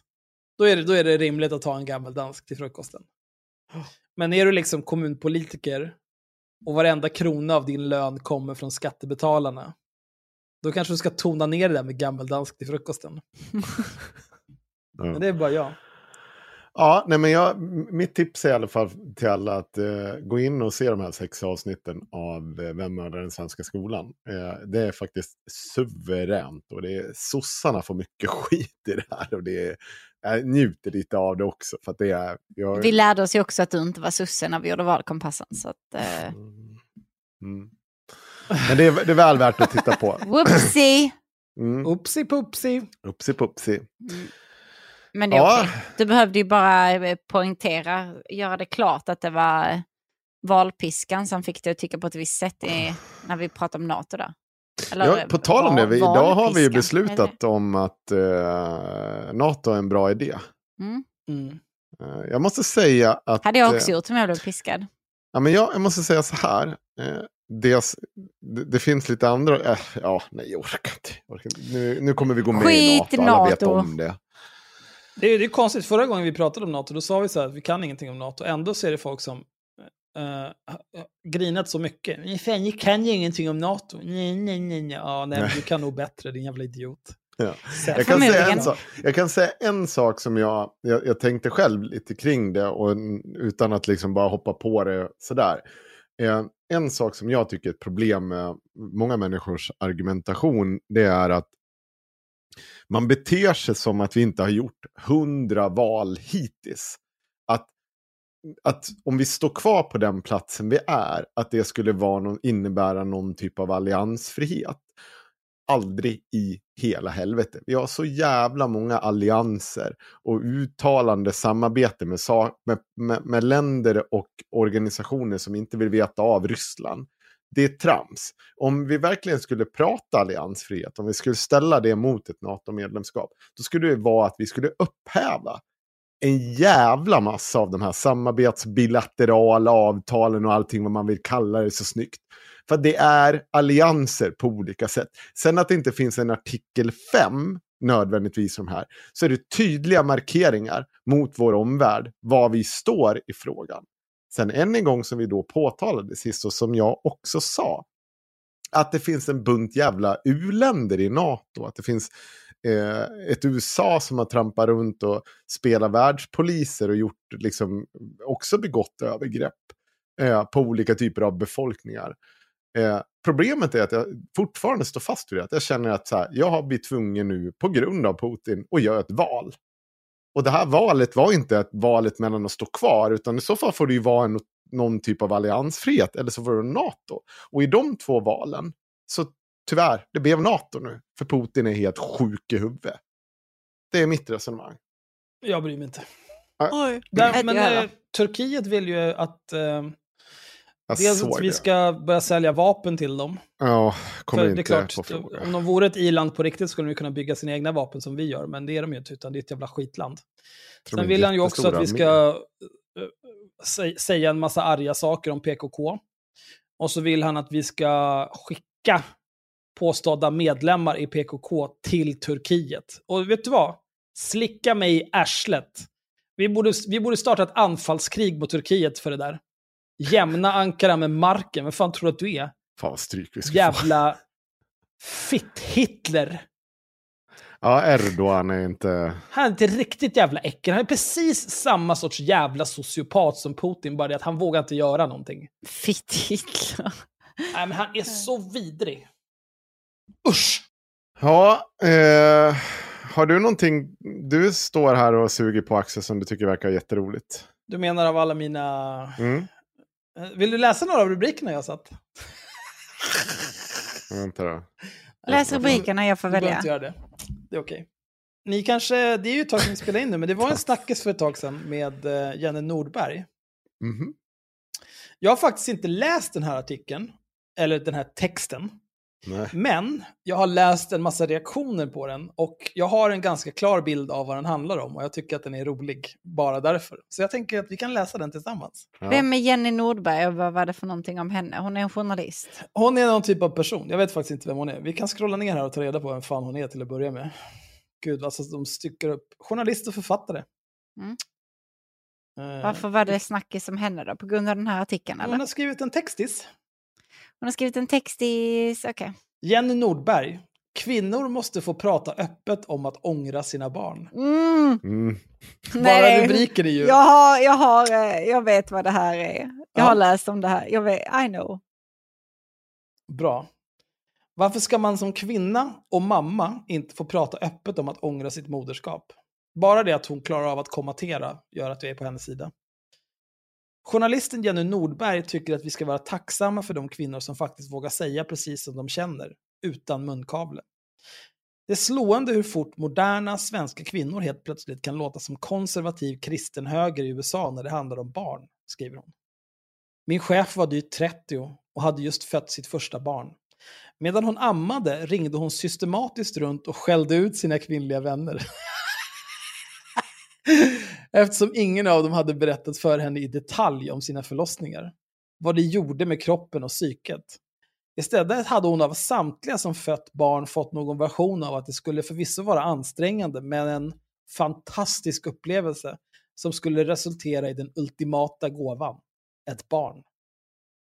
Vad var det för vänner egentligen? Frågade hon mig lite retoriskt, som inte ens hade kunnat säga ärligt som det var. Alltså, jag är en kvinna som har fött barn. Jag har aldrig någonsin pratat med en annan kvinna som eh, ett, inte vill gå in i detalj kring sin förlossning. Man, man kan inte ta upp förlossning med en annan kvinna som har fött barn, för då är det helt plötsligt, ah, eh, det började klockan 00.10, det kom första verken och sen, sen får man liksom hela fucking förlossningsberättelsen och bara, jag, kan, jag bryr mig inte, men absolut, var vänlig och sluta berätta. Men sen också, det är ingen som säger, jo men det är ansträngande, men det var fantastiskt. Det, alla är så här, jävlar vad min fitta är förstörd. Det, jag satt inte på så här, jag har aldrig pratat med någon som bara, ja men det var ju lite jobbigt, men det var ju ändå det bästa jag gjort i mitt liv. Kanske att folk kommer fram till att det var det bästa de har gjort i sitt liv för att de fick sitt barn, men alla är så här, fuck me, det där var det värsta jag varit med om. Ja. Men, Men det finns väl... eh, det sker väl en hel del spännande saker med hormoner i kroppen efter en förlossning för att man typ inte ska ta sitt liv och barnets liv och alla i närhetens liv. Eh, ja. Sen finns det ju vissa som eh, får hormonsvängar i den månen att man faktiskt försöker ta alla liv. Ja, postpartum, depressioner och Mm. allt vad det är för noise. Allt noise. All Mm. noise. Ehm, mm. Jag minns att jag var lite rädd för att hon var så arg. Och jag vågade absolut inte fråga vad det hemska hon varit med om bestod i. Det gjorde mig också orolig över att det kunde finnas annat viktigt som kvinnor inte pratade om. Stora farliga kvinnohemligheter som bara skulle uppenbaras när jag låg på operationsbordet och höll på att dö, ungefär. Jag tänkte på henne nu i veckan när jag läste i kapp om att huruvida en kvinna bör avstå från att prata om en djupt personlig och helt mänsklig sak. Att hon kanske ångrar att hon ens fick barn. I en intervju med Malou von Sivers hade Ann-Katrin Dolium försökt lyfta frågor om barnnormen och ojämställdhet utifrån ett ofrivilligt föräldraskap. För detta hade hon fått mycket kritik, bland annat av Åsa Bäckman i Dagens Nyheter. Inte främst för att Dolium hade haft fel, utan för att hon aldrig borde ha sagt något överhuvudtaget. Man sätter sig helt enkelt inte i en tv-soffa och säger att man ångrar sitt moderskap, skrev Bäckman. Vilken jävla Bäckman. Ja, någon Bäckman. Jag gissar att det inte var Lars Bäckman. Men det kan det mycket, mycket väl ha varit. I sociala medier höll många med. Dolium var självisk. Tänkte inte på barnperspektivet. För stackars hennes barn, så får man inte säga. Där går gränsen. Hä? Ska jag, eller ska jag skratta? Det är slående hur fort moderna svenska kvinnor helt plötsligt kan låta som konservativ kristen höger i USA eller någon typ av talibaner som helt kört fast när det handlar om barn. Då ska en kvinna omedelbart stiga in i ett drömlikt tillstånd av universals empati och ta på sig ett mycket större ansvar utanför sig själv, för alla andra och i synnerhet för barn i allmänhet. Ibland ska hon därför vara helt tyst. Som forna tiders fromma kvinnor på oljemålningar avbildade i huvudduk med sammanpressade läppar med grisskära bebisar i famnen. Den sortens kvinna som vi aldrig får veta vad hon egentligen tänkte. Fan vilken tråkig text det här är. Alltså den här texten är så... Vad är det här för långa streck mitt i allt? De är inte så långa som citatet är, men det är liksom ett streck för att citatet ska vara slut. Men där... Ja, det någon behöver se över sin webbdesign, det säger jag. Ja? Amelia, tidningen. Mm. Ja, men nu är det så här. Det är ett så klassiskt historiskt feltänk att säga att kvinnor inte får prata om sina upplevelser av moderskapet. Vilka dessa upplevelser än må vara. Och det är helt antiintellektuellt och empatilöst att överhuvudtaget ta på sig att bestämma vad kvinnor inte får prata om. Det här är så fånigt, så här, man får... Så här, saker man inte får säga längre i det här landet. Jag önskar att mina barn eh, aldrig hade hänt. Det är klart att du får säga det, men... Ja. Men inte i en tv-soffa där dina barn kanske kan se det i framtiden. Är det inte jätteschysst? Det är Eh, ganska jävligt oschysst alltså. Ja, mamma lyckades inte förverkliga sig själv tillräckligt mycket för hon var tvungen att ta hand om er. Jag vill Ja. att ni ska bära med er genom livet barn. Fy fan. Fy fan, ja. Det är svårt att bli mer medelklass än att tycka så. Eh, jag är starkt emot att saker inte ska få sägas och att ämnen inte ska kunna diskuteras. Det här är också så här, det här är precis den här grejen. Vadå inte ska få sägas? Hon har ju sagt det. Och att ämnen inte ska kunna diskuteras. Det diskuteras ju nu. Din text är ju en del i den här diskussionen. Det är så efterblivet att skriva så här. På ett konkret och personligt vis om det behövs. Att bara prata om abstrakta strukturer och liknande blir bara snömos där alla är överens om allting och inget behöver någonsin bli jobbigt och svårt. Det är bekvämt och ofarligt och det leder exakt 0 millimeter framåt. För nu tar vi ett litet andetag här och reflekterar över vad kvinnor inte har ansetts ha rätt att prata om. Politik, rösträtt, äktenskapets villkor, våld i hemmet, sexuella övergrepp, sina kroppar och sin mentala hälsa. Ett aktuellt exempel i USA är ju också rätten till sjukvård för kvinnor, där även abort ingår. Tänk så knepigt att kvinnor ens fick luft från början och började uttrycka att de ville ha inflytande där. Ibland tror jag att kvinnors extrema reaktioner och åsikter om andras barn och vad som är rätt och fel för barn i allmänhet handlar om en osäkerhet kring de egna livsvalen, rättigheterna och möjligheterna. För att det fortfarande pratas för lite om det. Det där är ju riktigt jävla drygt. Jag tycker att det är... jag känner att hon är på väg någonstans i det här. Hon kanske inte fortsätter med det, men det känns som att hon är på väg lite grann med det så här, eh, kvinnor som ifrågasätter min rätt att ångra mina barn egentligen bara avundsjuka för att de önskar att de var lika häftiga som mig och, och Mm. liksom eh, döda inombords. Eller alltså- kvinnor som på annat vis är avundsjuka för att jag är mer kvinna eller bättre kvinna som liksom har tagit mig förbi det här, den här kvinnorollen där man bara ska acceptera att föda barn och att det är tvunget är det bästa som hänt. Men jag är kvinna 2.0 som hatar mina barn. Men alltså många av de här grejerna som hon tar upp, våld i hemmet, sexuella övergrepp, kroppar och sin mentala hälsa är ju saker som också ansetts alltså typ tabu för män att prata om. Alltså hush hush, det här, det här kan vi inte prata om. Det är ju inte bara, det är Ja. inte bara kvinnor som inte har fått lov att prata om det. Det har ju varit ganska tabu att prata om mental hälsa till exempel ganska länge. Ja, och män som blir misshandlade av sina Ja, partners. eller precis. Det kan man inte snacka om liksom. För att då blir man utskrattad för att du är en man som blir misshandlad av en kvinna till exempel. Och sånt. Det går ju inte. Så att, Det är väl politik och rösträtt, det är väl ganska okej att prata om. ja. Och männen har fått bestämma äktenskapets villkor. Ja, fast där har vi ju lite, några mansrättsaktivister som är mycket upprörda över Mm. eh, De kan suga saker. mig. Jag Ja, bryr mig inte vad de har att säga. nej. Eh, så Ann-Katrin Dolium får väl ångra eller tycka precis vad hon vill och prata om det i tv. Varsågod och välkommen, både juridiskt, etiskt och moraliskt. Mm. Ja. Är det etiskt och moraliskt? Alltså det kan väl vara etiskt och moraliskt. Det beror väl på vad man har för etik och moral liksom. Det betyder ju ingenting. Eh, jag, jag tror inte, men som du var inne på tidigare, alltså jag, om, om eh, barn som hör att deras föräldrar ångrar att de föddes, jag tror inte att det har en positiv effekt på de barnen. Nej, alltså om du nu, fan. alltså om man nu som förälder ångrar att man har fått barn, se det över ett Ja men fan, glas eh, med någonting till en kompis liksom. Se, eh, bit ihop tills de flyttar hemifrån.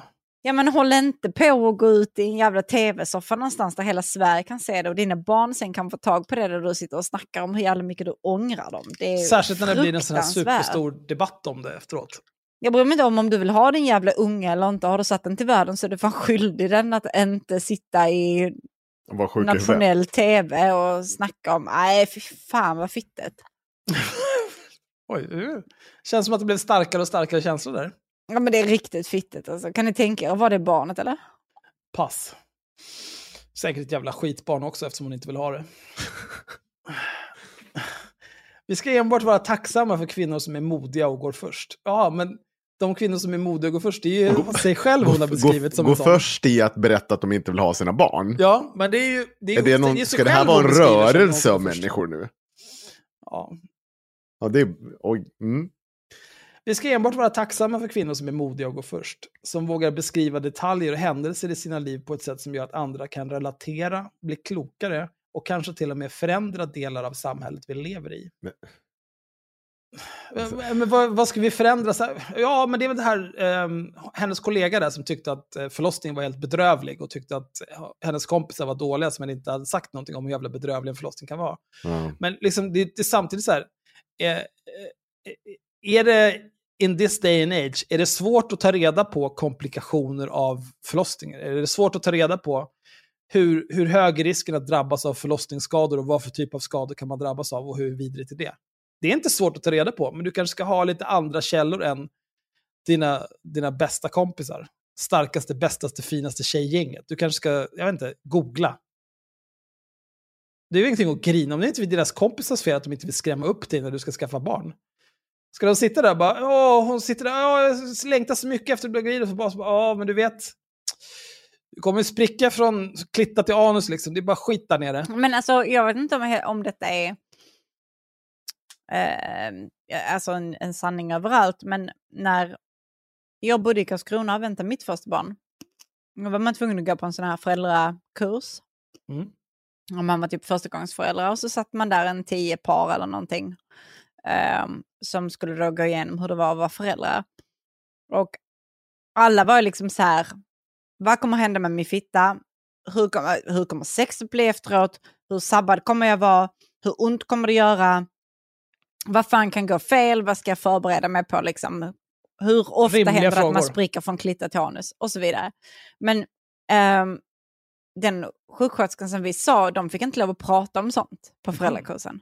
De sa liksom det, nej nej vi pratar inte om sånt, vi pratar inte om sånt. Och det har varit min upplevelse också, um, eh, framförallt i Karlskrona, för det var där jag födde mitt första barn, att det, då får inte de lov att prata om det. De tar liksom inte upp det om man inte ställer väldigt, väldigt raka och informerade frågor. Annars så sveper de bara undan det typ och så här, ja, pappor ni får tänka på att kanske mammorna också vill sova ut lite så efter de har nattammat så kanske ni kan ta bebisen en timme så att de får sova.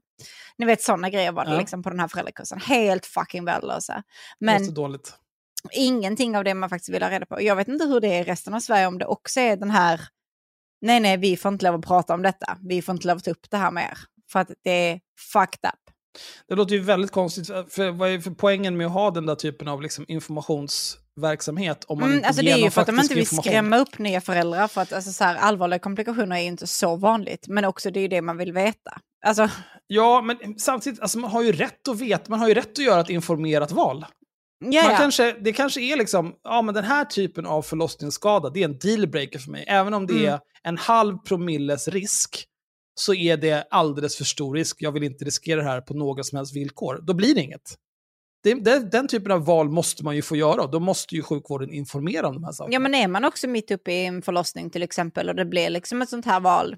Ska vi, ska vi fortsätta med en, med en vaginalfödsel eller ska vi ha kejsarsnitt eller bla bla bla. Nu är det väl oftast läkaren som fattar det beslutet men på något plan så får man ju ändå vara involverad själv i sina medicinska beslut. Och har man då inte fått veta någonting eller kunnat prata någonting om det tidigare, hur fan ska man veta? Nej, det Det går är inte. fucked up. Hade jag fått veta mer så hade ju min första förlossning inte varit ett helvete på jorden i fyra dygn. Men de får inte lov att prata om sånt. Och det är bara så här, det- alltså jag blir så himla vansinnig. För här känner jag att det finns, eh, finns det eh, marknadsandelar på poddmarknaden för en förlossningspodd? En Det mödraskapspodd. finns nog redan förlossningspodden. Det tror jag nog också att det finns. Ja, det luktar pengar. Så bara kolla lite snabbt här. Förlossningspodden. jag tror att den finns. Fitta! Förlossningspodden och Nejka Ja. det jävla äckel har tagit min affärsidé. Fan, jag ska mörda er! Men jag tror att den podden är um, alltså, eh, folk som har fött barn som berättar om sin upplevelse. De har inte släppt ett avsnitt på... Nej, de släppte fan ett avsnitt för bara ett par dagar sedan. 200... Nej! Ja, nej. Okej, nej men vad bra, då skiter vi det.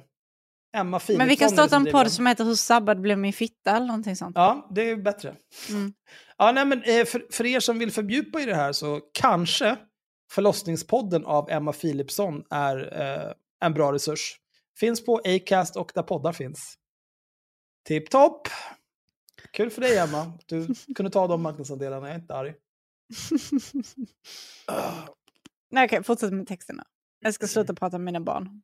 Ja, nej, men för all del, prata på. Nej, Eh, eh, jag är eh, tröttnat. Blir klokare och kanske till. Det är samma i alla länder och kulturer. Så fort någon säger minsta pip om just moderskap och barn blir det kaos och panik och alla ska förfasa sig och vet väldigt mycket bättre. I synnerhet kvinnor som specialiserar sig på att vara både, exper- som specialiserar sig på att vara både experter på, åklagare av och domare över andra kvinnor. Från Stockholm till Kabul. För om hela livet kretsar kring moderskapet så måste man ju rimligen vara expert på just barn och veta bäst om det. Inklusive ta på sig att bestämma vad kvinnor inte får prata om. Nu känner jag att det går lite grann i cirklar här med det här. Saker man inte får prata om, skrev hon i en text i en av Sveriges största tidningar. Men alltså jag tycker, ja precis. Men äh, äh, hon försöker liksom släta över detta eller klumpa ihop det här med att det är precis som att det är samma sak som mamma som säger, jaha, jaha, du ammar inte din, ditt barn, då är du en jättedålig mamma, mi, mi, mi, mi. Ja. Alltså hon försöker liksom klumpa ihop det med det. Jag bara, nej, nej. Alltså du kommer ju sabba ditt barn för livet om du säger att du ångrar att, de, att du födde det barnet. Alltså det, det är inte...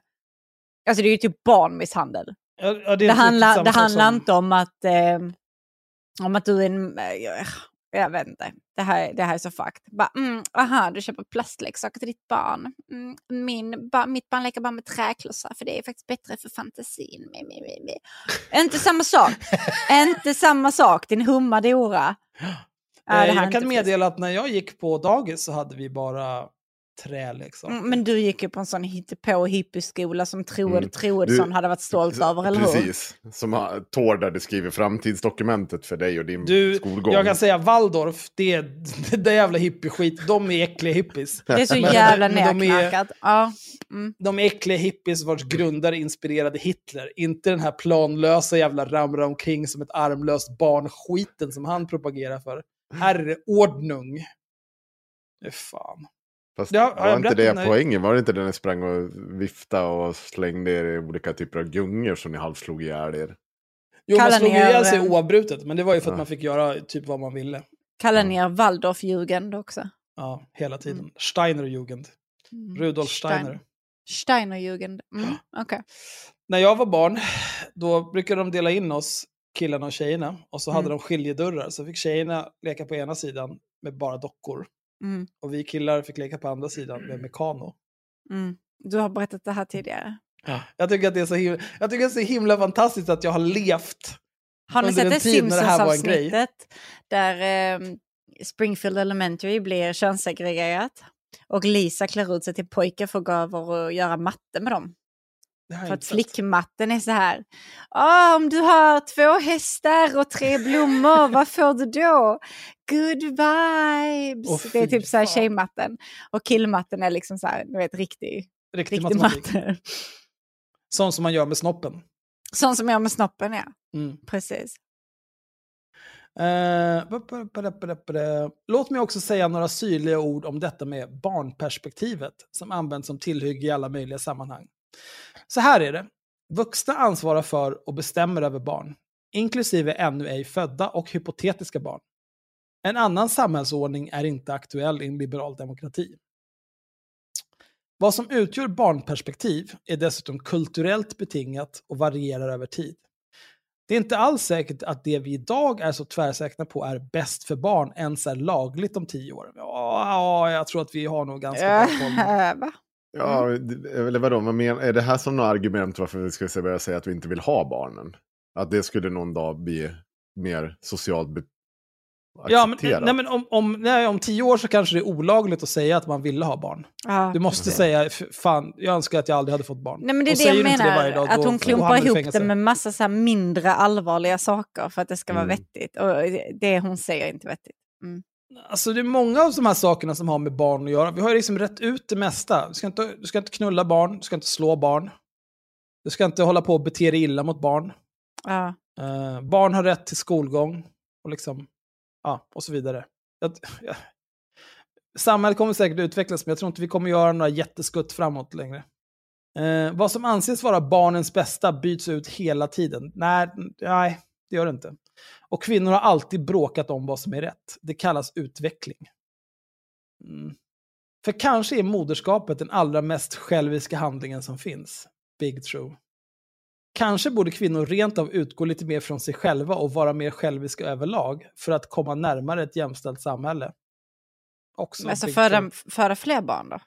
Om, Nej, mod, om moderskapet är den allra mest själviska handlingen och kvinnor borde vara mer själviska överlag så borde vi föda mer barn för att komma närmare ett jämställt samhälle. Det är det hon säger här. jag tolkar mer själviska överlag som även utöver den mest själviska handlingen, det vill säga föda barn. Men eh, absolut, vilket som funkar ju. Det är inte, eh, det är inte, det är inte en meningsfull formulering oavsett. Nej, nej det är det inte. Eh, Och kanske är det inte barnperspektivet som alltid ska sättas först, utan hur vuxna på bästa vis behåller förståndet när de blir föräldrar och därmed kan stå ut med att forma små nya människor som sen växer upp till vettiga medborgare. Fast hur det här med anknytning och liksom att känna sig trygg och älskad och sånt, Mm. det tror jag är viktigt för barn. Alltså jag vill ju inte, jag är inte proffs på psykologi och sånt, men har ni någonsin sett eh, dokumentärer eller videos eller whatever om typ seriemördare och så vidare? Att- att Ganska har- genomgående att de har föräldrar som önskar att de aldrig hade fött dem. Ja. Eh, men visst, absolut, kör du, kör du på. Kör du på. Jag tror inte att det är bra. Ah! Eh, se där, ytterligare tre uppslag som säkert får någon att gorma. Så får man inte säga. Det, för det får man verkligen visst. Alltså du kan säga det, men du är ju en idiot. Men absolut. Ja, men det, det här är ju den klassiska. Det får man inte säga längre, här jävlar. Du får absolut säga det, men sen kommer konsekvenserna. Mm. Det, det du vill säga, det är jag vill kunna säga det här korkade utan att få tråkiga konsekvenser. Ja. Men det är inte så verkligheten Inga som funkar. helst gensvar. Ja, men det, det, det är en del av att vara vuxen. Du måste ha lite konsekvenstänk. Så länge särskilda, hårda och bestraffande begränsningar finns för vad kvinnor får säga, hur ska vi då någonsin få reda på vad det innebär att vara kvinna? Vad, vad finns det för uh, motsatsförhållande där? Ja, hon menar att man får inte prata till exempel om hur hemsk en förlossning kan vara. Och att genomgå en förlossning är någonting Nej, men Eh. det, det, jag tyckte inte det var så himla konstigt. Alltså, att det finns begränsningar på kvinnor, då kan man inte veta vad det innebär att vara kvinna om inte kvinnor får lov att leva som kvinnor fullt ut. Jag tycker ju dock inte att det hör till att vara kvinna, att man får lov att gasta ut i tv-soffan hur mycket man ångrar att man fick barn. Det, Nej, det är väl mer... Det är ju någonting som en pappa skulle kunna göra också. det är väl snarare att det finns eh, begränsningar på vad en förälder får lov att göra och inte göra för barnens bästa. Och barnens bästa är inte att få höra att de blir ångrade. Sen är det ju också en viss skillnad på att eh, tycka någonting och kanske diskutera det med sig andra kvinnor. Mm. Det kan du göra. Du kan skapa någon eh, dold Facebookgrupp, vi som hatar våra barn. Ah, Och så är det bara att bjuda in alla mammisar på jorden till den. Och så kan ni sitta och diskutera det. Men det blir ju skillnad. Du kanske inte bjuder in dina barn till den gruppen. nej, Det, det är väl det som är problemet här. Eh, ja, vi, vi är snart klara med det här, så vi kör bara. Och ska vi bara lämna majoriteten av all politik, konst, litteratur och alla filmer till männen? Så att de får fortsätta att ta hand om att tolka kvinnors liv och upplevelser. det är så höga växlar, men absolut. Mm. Du får inte säga att du hatar dina barn, så att eh, nu så ska all politik, konst och litteratur och så vidare bara hanteras av män. Ja. Ja, 100 procent är exakt vad det Gilead. betyder. Mm. Det finns också en alldeles särskild sorts svensk privilegierad arrogans som inte bara tror sig utgå från barnperspektivet utan också utgår från att Sverige och svenska kvinnor har bäst koll på vad som är bäst för barn i alla lägen. Eh, det här är ju så här konstig grej. Jag tror alla föräldrar som, som har någon typ av eh, Alltså som inte är galningar kommer väl tro att det de gör är det bästa för deras barn. Det tror Alltså, jag alla föräldrar ja. världen över tror.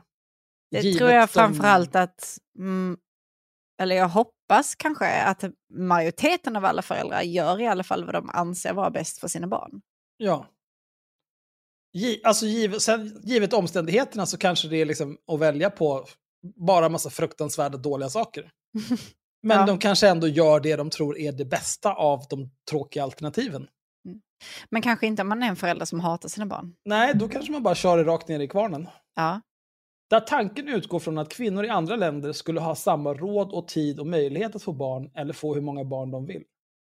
Och därtill sitta och fundera på barnperspektivet och döma andra på ett lite religiöst och upphöjt vis. Det är också helt fel. I andra länder tvingas många kvinnor kämpa mer för att överhuvudtaget hålla ihop. Det kan vi återkomma till, men kan vara bra att hålla i åtanke även här. Att det är ett extremt privilegium att leva i ett öppet och fritt samhälle där kvinnor får lov att prata högt. Men nyss så var det ju bara gnäll om allt man inte får säga längre i det här jävla Mm. landet. Hur ska hon ha det? Där allt det svåra, vackra och hemska får leva ute i ljuset, i synnerhet den mänskliga upplevelsen av att försöka bli, att bli och att vara mamma. Att inte kunna eller att inte vilja. Liksom att ångra det, vara dålig på det, att vara eller att känna sig tvingad till det. Att misslyckas och att kanske stundtals förtvivla.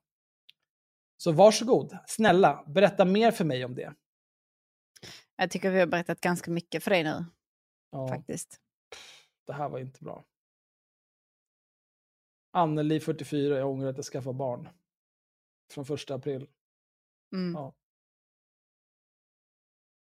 Strångt. Idag ångrar Anneli sin, sin graviditet. Ja, okej. Ja, nej, jag vet inte. Kill yourself.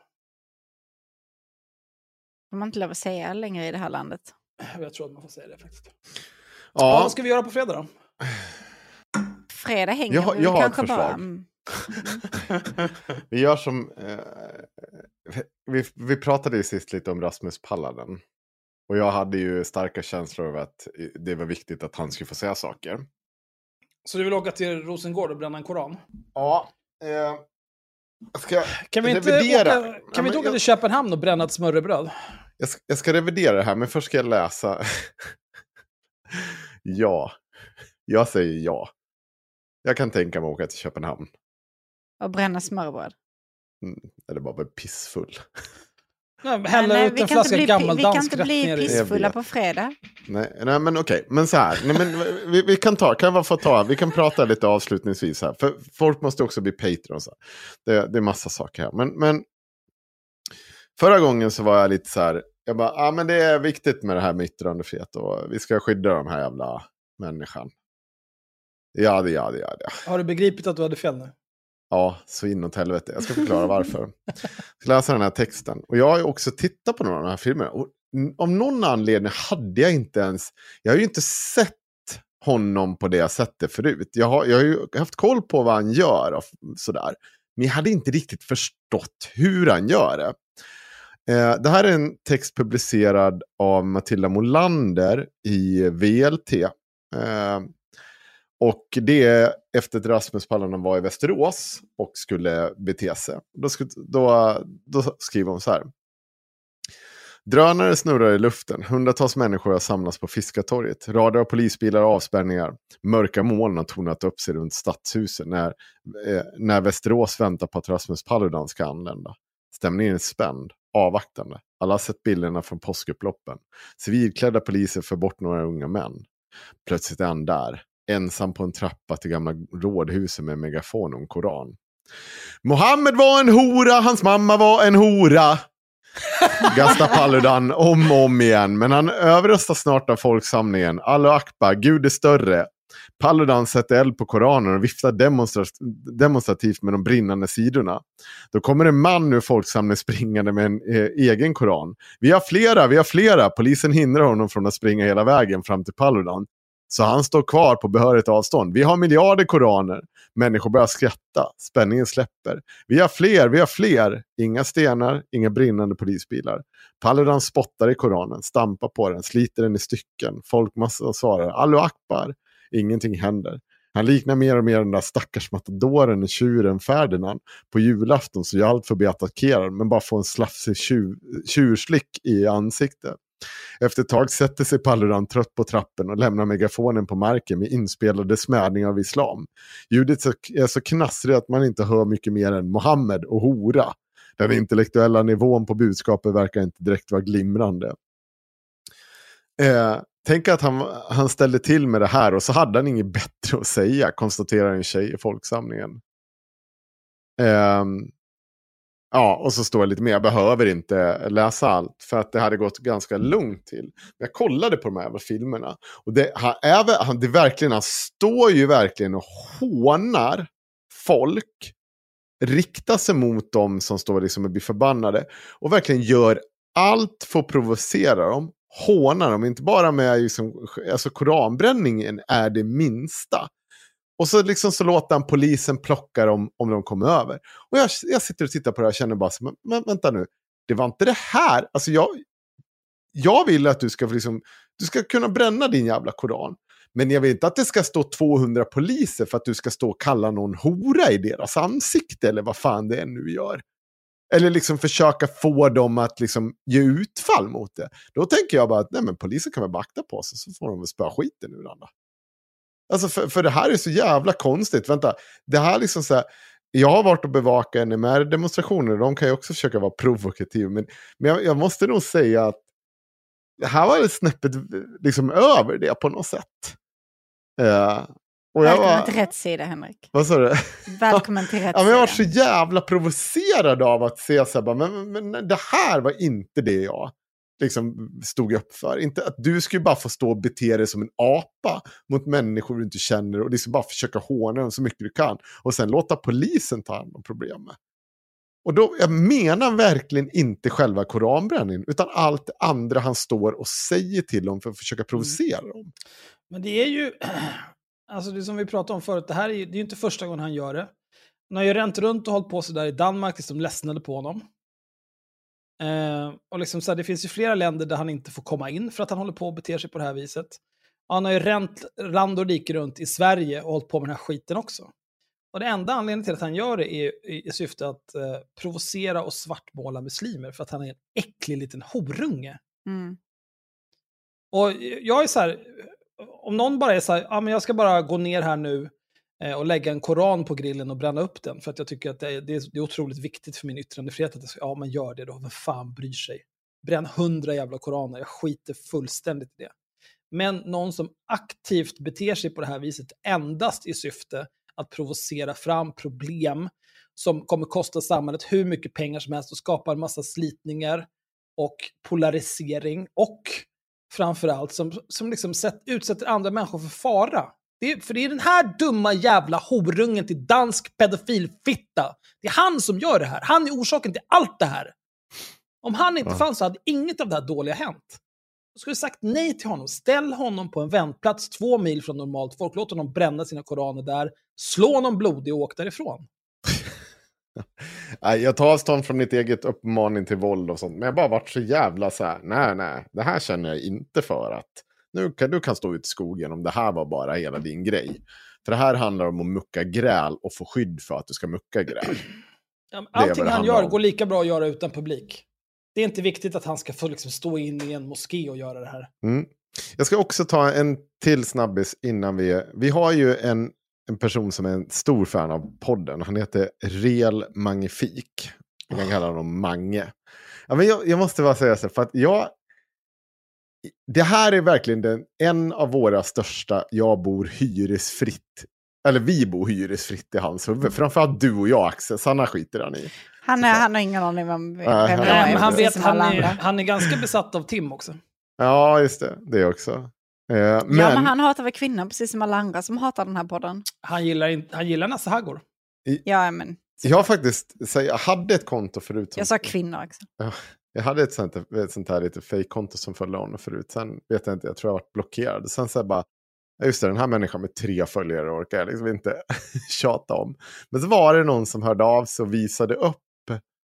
Eh, som bara skickade en bild på vad han hade skrivit för någonting. Eh, och eller jag ska läsa en tråd. Han, för, för egentligen var det så här, jag fick den här tråden skickad till mig och jag förstod ingenting. så jävla, han är så jävla arg. Mas-Henko och Symbalapan har hittat ett nytt psykfall att bli polare med. För några namnbyten sedan och från trollets mainkonto hade psykopa psykopaten och en annan hållning, eller hade psykopaten och en annan hållning till dessa två poddande idioter. Hur var det nu du sa hycklar Henko? Dina fienders fiender var visst inte dina vänner. Men allt som behövs för att du ska göra dig dum och visa hur korkad du är är att slicka din röv som psykopaten här gjorde. Fick du lyckorus Henko? Men Henko, det där är ett psykfall du har mycket gemensamt med. Ni är nämligen precis lika besatta och lika stora hycklande idioter bägge två. Jag menar, du har ju en viss benägenhet att välja dina sällskap på ett mycket dåligt sätt. Som sagt, Henk och Axels uttalanden om människor visar varför man definitivt inte ska tro på vad de där dårarna påstår om varandra. Tror du att deras långa utlägg om hur korrekta deras granskningar är så är du dum i huvudet. Värre hycklare är svåra att finna. Nu ska vi se här då. Henko, kan du inte berätta mer om hur du kallar andras barn för dina egna? Samt hur du baktalar dessa barn på, eller deras barns far på sociala medier för att, du inte är rädd, för att du är så rädd att bli övergiven. Jag menar eftersom du påstår att jag skulle vara så ensam. Tycker du att det är konstigt att du kommer hem, till folk, äh, kommer hem folk till dig och Axel med tanke på hur ni sitter och ljuger och förtalar folk i sociala kanaler? Jag är uppriktigt sagt förvånad över att det inte blivit värre. Men du har tur att du är så hård på flaskan eftersom annars hade du, inte ha, hade du haft egna barn. Och jag tänkte, bara, vad i helvete har jag sagt? för att den här människan ska få den här jävla psyk... Alltså totala bara meltdownet. Och jag kunde inte begripa för allt i världen vad jag var. Och Jag var tvungen att titta Och då var det just att det, var någon som kallade sig Storklitslung som hade skrivit. Jag vill bara göra uppmärksam på att Magnus Norman är inne och horar sig. Och då svarade jag, han är så ensam. Det var allt. och, jag vet så här, och jag skrev sen till den här personen, "Nej, men du behöver inte skicka något mer, jag läser inte. Var så här, Va? Är det här min nya kompis? Han jag skrev, han är så ensam till. Är det, är det, är det vännen nu? Nu är vi bästisar. Ja, absolut, så är det. Fan vad arg han blir alltså. Jävla Ja, konstig toppen. människa. Men du vet ju, alltså... En minut efter att han har lyssnat klart på det här Ja. avsnittet. För han lyssnar ju på alla våra avsnitt också för att han är helt Ja. obrydd om vad vi gör. Ja, visst, finns det Då, då kommer det vara liksom en lång tråd på Twitter. Noll likes, noll lästa. Ja. Ingen bryr sig. Skriker ut i rymden. Men det är ju apropå så här, menar ju att vi håller på att förtala folk och sådär. Ja, där, där, där påstår jag till exempel att Ja. du är alkoholist. Att jag Han har, förtalar... eh, Det, det är också så här konstigt att jag ska prata om barnens pappa i sociala medier. Nej, nej. Vad pratar du om? Nej. Han har också han har påstått att, eh, eh, att jag har en ny bästa kompis efter att William Beat var med. Han var ju Ja. 17 då. Och så skrev han också, det påstås att han har bett pojken att skicka bilder. Oj. Och sen på ett annat ställe så skrev han, eh, du kan ju ragga på din minderåriga kompis tjejkompisar. Så liksom, alltså, två tillfällen påstår att jag skulle vara en barnknullare. Det är också förtal, Magnus, din dumma lilla hora. Jag, vet inte. Så du kanske Han, ska han blir stänga så väldigt käften. arg hela tiden. Det är bara kul. Men det är fortfarande... Men vet du nej. varför han blir arg? Det är för att varje dag så gör han någonting som gör att hans barn skäms ännu lite mer för honom. Och han kan liksom inte göra någonting annat än att ge sig ut på internet i, och bara i impotent raseri ge sig på folk som har lyckats så oerhört mycket Ja, jag-. Det är en väldigt märklig människa i alla fall. Jag tycker det är toppen att han är sådär. För att, alltså jag, jag brukar bara skriva om honom ibland för att jag vet att han läser. Och jag vet att han blir helt psykotisk. Jag, jag ser ju väldigt sällan själv. Det är ju när någon skickar det till mig. Då ser, får jag se så här. "Åh! Ja, nu är Magnus, nu han, det, jag skrev någonting om honom för, för två veckor sedan. Han är fortfarande rasande. Vad ska vi göra på fredag då? Sanna? Ska vi, ska vi inte avsluta inspelningen innan vi... eh, Nej, för det.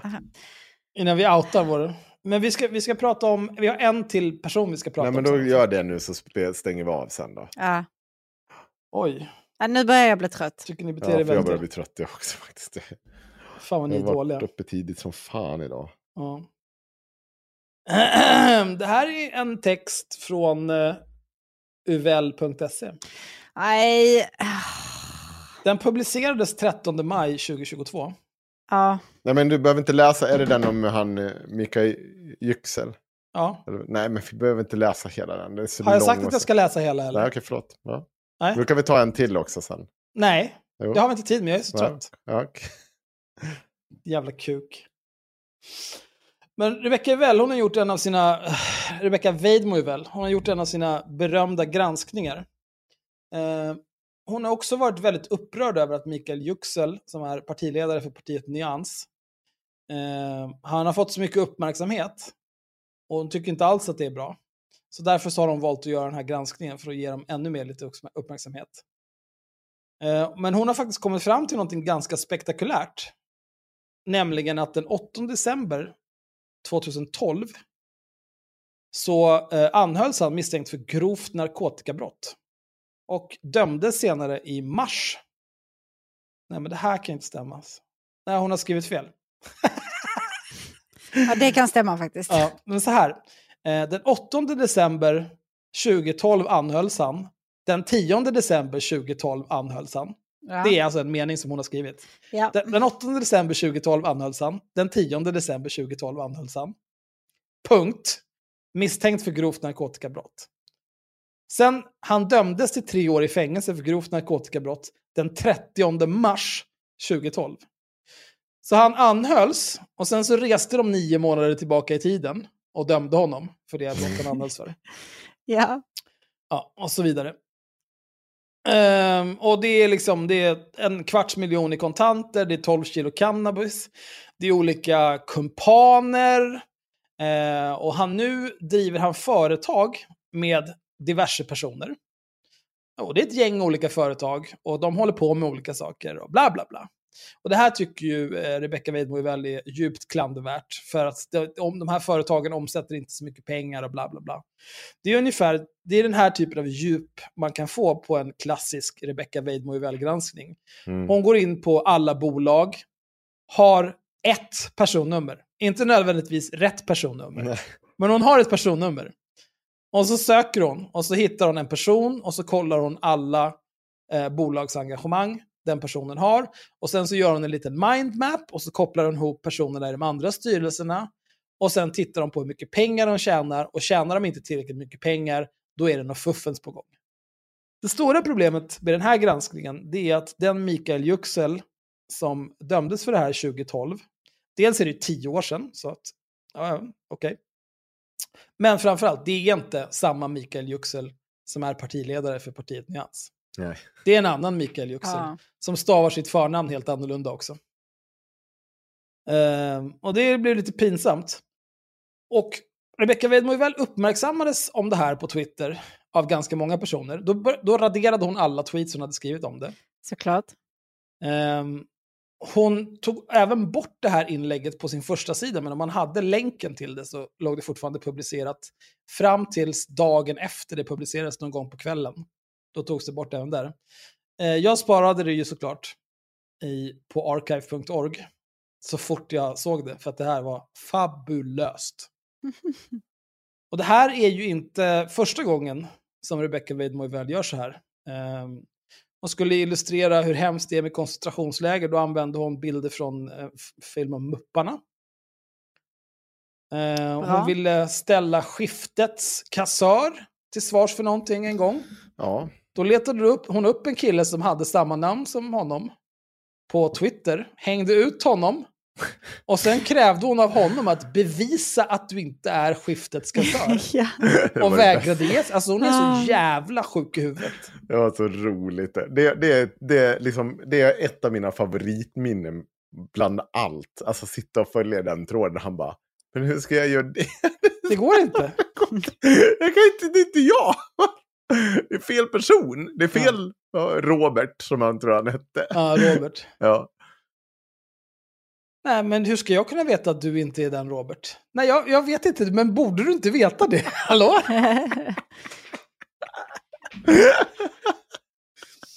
Ja, det är helt otroligt. Och det, Ja. det är så himla konstigt också att hon liksom... Jag förvånas ständigt över att Rebecca Weidmo är fortsatt anlitad. För det måste ju betyda att antingen så är det liksom eh, folk, det finns någon typ av plan med att hon är så här jävla dålig. Att det här liksom inkompetensen är medveten.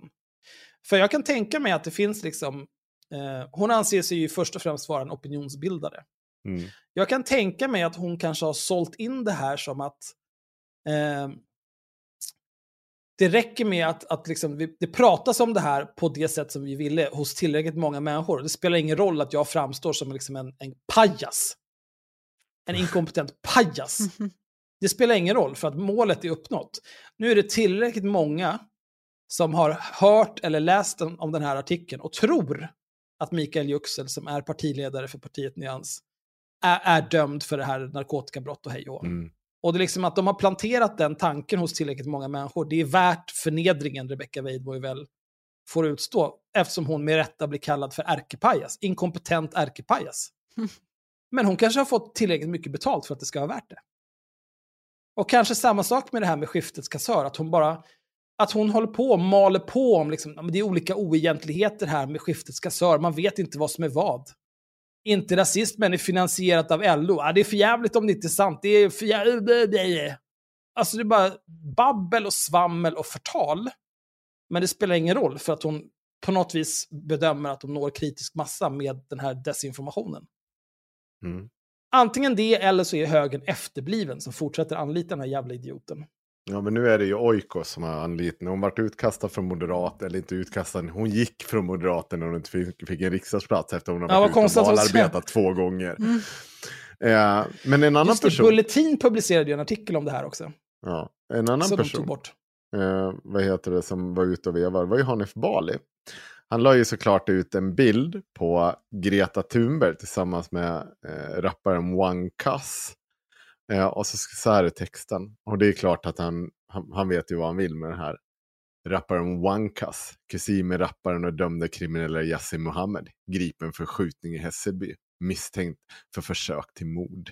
Och så bara en bild på när Greta Thunberg och Wankas står eh, mot varandra i, i kampanjen Kavla upp. Alltså det ser att för eh, att folk skulle eh, vaccinera sig. Ett initiativ från Sveriges samlade kommunikationsbransch för solidaritet inför och under vaccinationen, Kavla upp. Eh, ett litet problem bara, det var inte han som var gripen för de mord. Eh, inte alls. Eh, Hanif Bali gjorde ju såklart ingen rättelse. Den här lilla grejen hade ju bara fått 618 retweets, 81 citat-tweets och 4779 gilla-markeringar. Tror ni han gör någon typ av rättelse? Varför skulle han? Aldrig backa. det? Aldrig backa. Eh, tror ni att han hade en jävla åsikt om när hans polare Jan Emanuel, som har varit runt på barturné, kör runt One Cuss i olika typer av... Varför valde han inte Jan Emanuel som hänger med One Cuss hela tiden? Nej, för det var ju såklart intressant. Inte intressant, för det var ju Hanif Balis polare. Det är bättre om man kan smeta det där på Greta Thunberg. Och sen om det råkar vara fel, då säger vi inget mer om det. Alltså, Och det är så jävla man, eh, äckligt. Vill man ha en bild på OneCuss, Mm. eh, googlar man OneCuss bilder, liksom, det är inte som att den bilden med Greta Thunberg är första resultatet direkt. Utan det där är ju en bild som han aktivt har letat upp Ja, och valt. och bild, eh, samtidigt när, inte annat. när det här spreds, då var det ju, det var ju bara rassemedia som spred den här uppgiften. Det här kom ju från Flashback. Källa Flashback. Ja, och det var ju liksom inget annat. Nej. För övrigt, eh, en sak som är intressant, när Hanif Bali hade olika problem, Mm.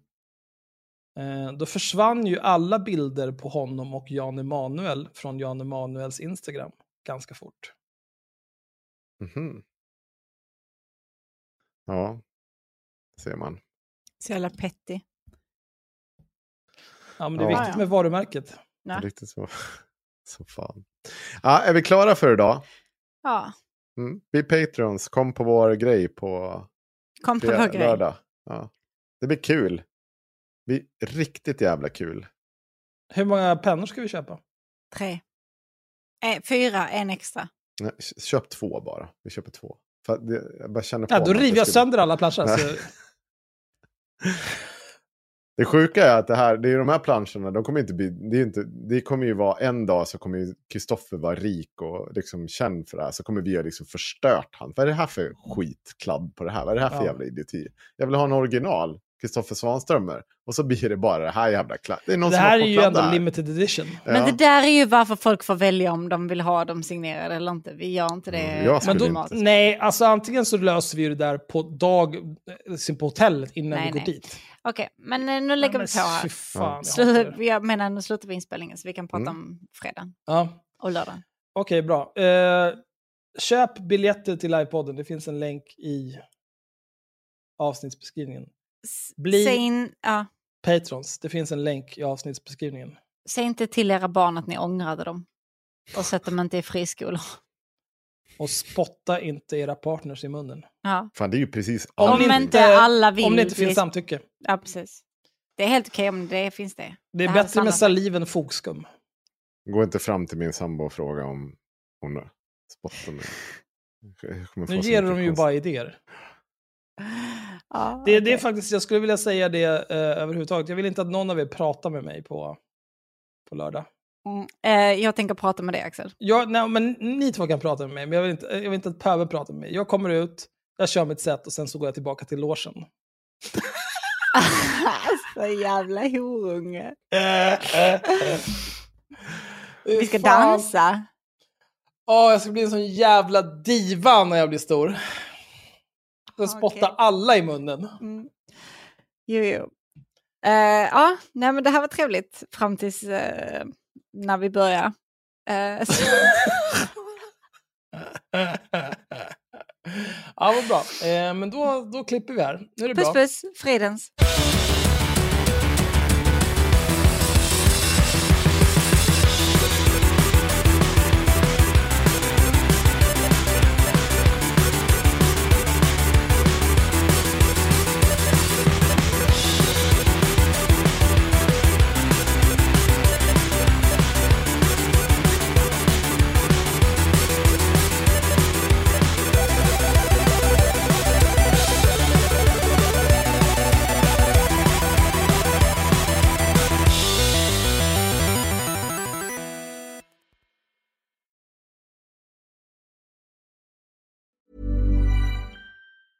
Hey, it's Paige DeSorbo from Giggly Squad. High quality fashion without the price tag. Say hello to Quince. I'm snagging high-end essentials like cozy cashmere sweaters, sleek leather jackets, fine jewelry, and so much more. With Quince being 50 to 80% less than similar brands. And they partner with factories that prioritize safe, ethical, and responsible manufacturing. I love that. Luxury quality within reach. Go to quince.com slash style to get free shipping and 365 day returns on your next order. Quince.com slash style. Ever catch yourself eating the same flavorless dinner three days in a row? Dreaming of something better? Well, hello fresh is your guilt-free dream come true, baby. It's me, Gigi Palmer.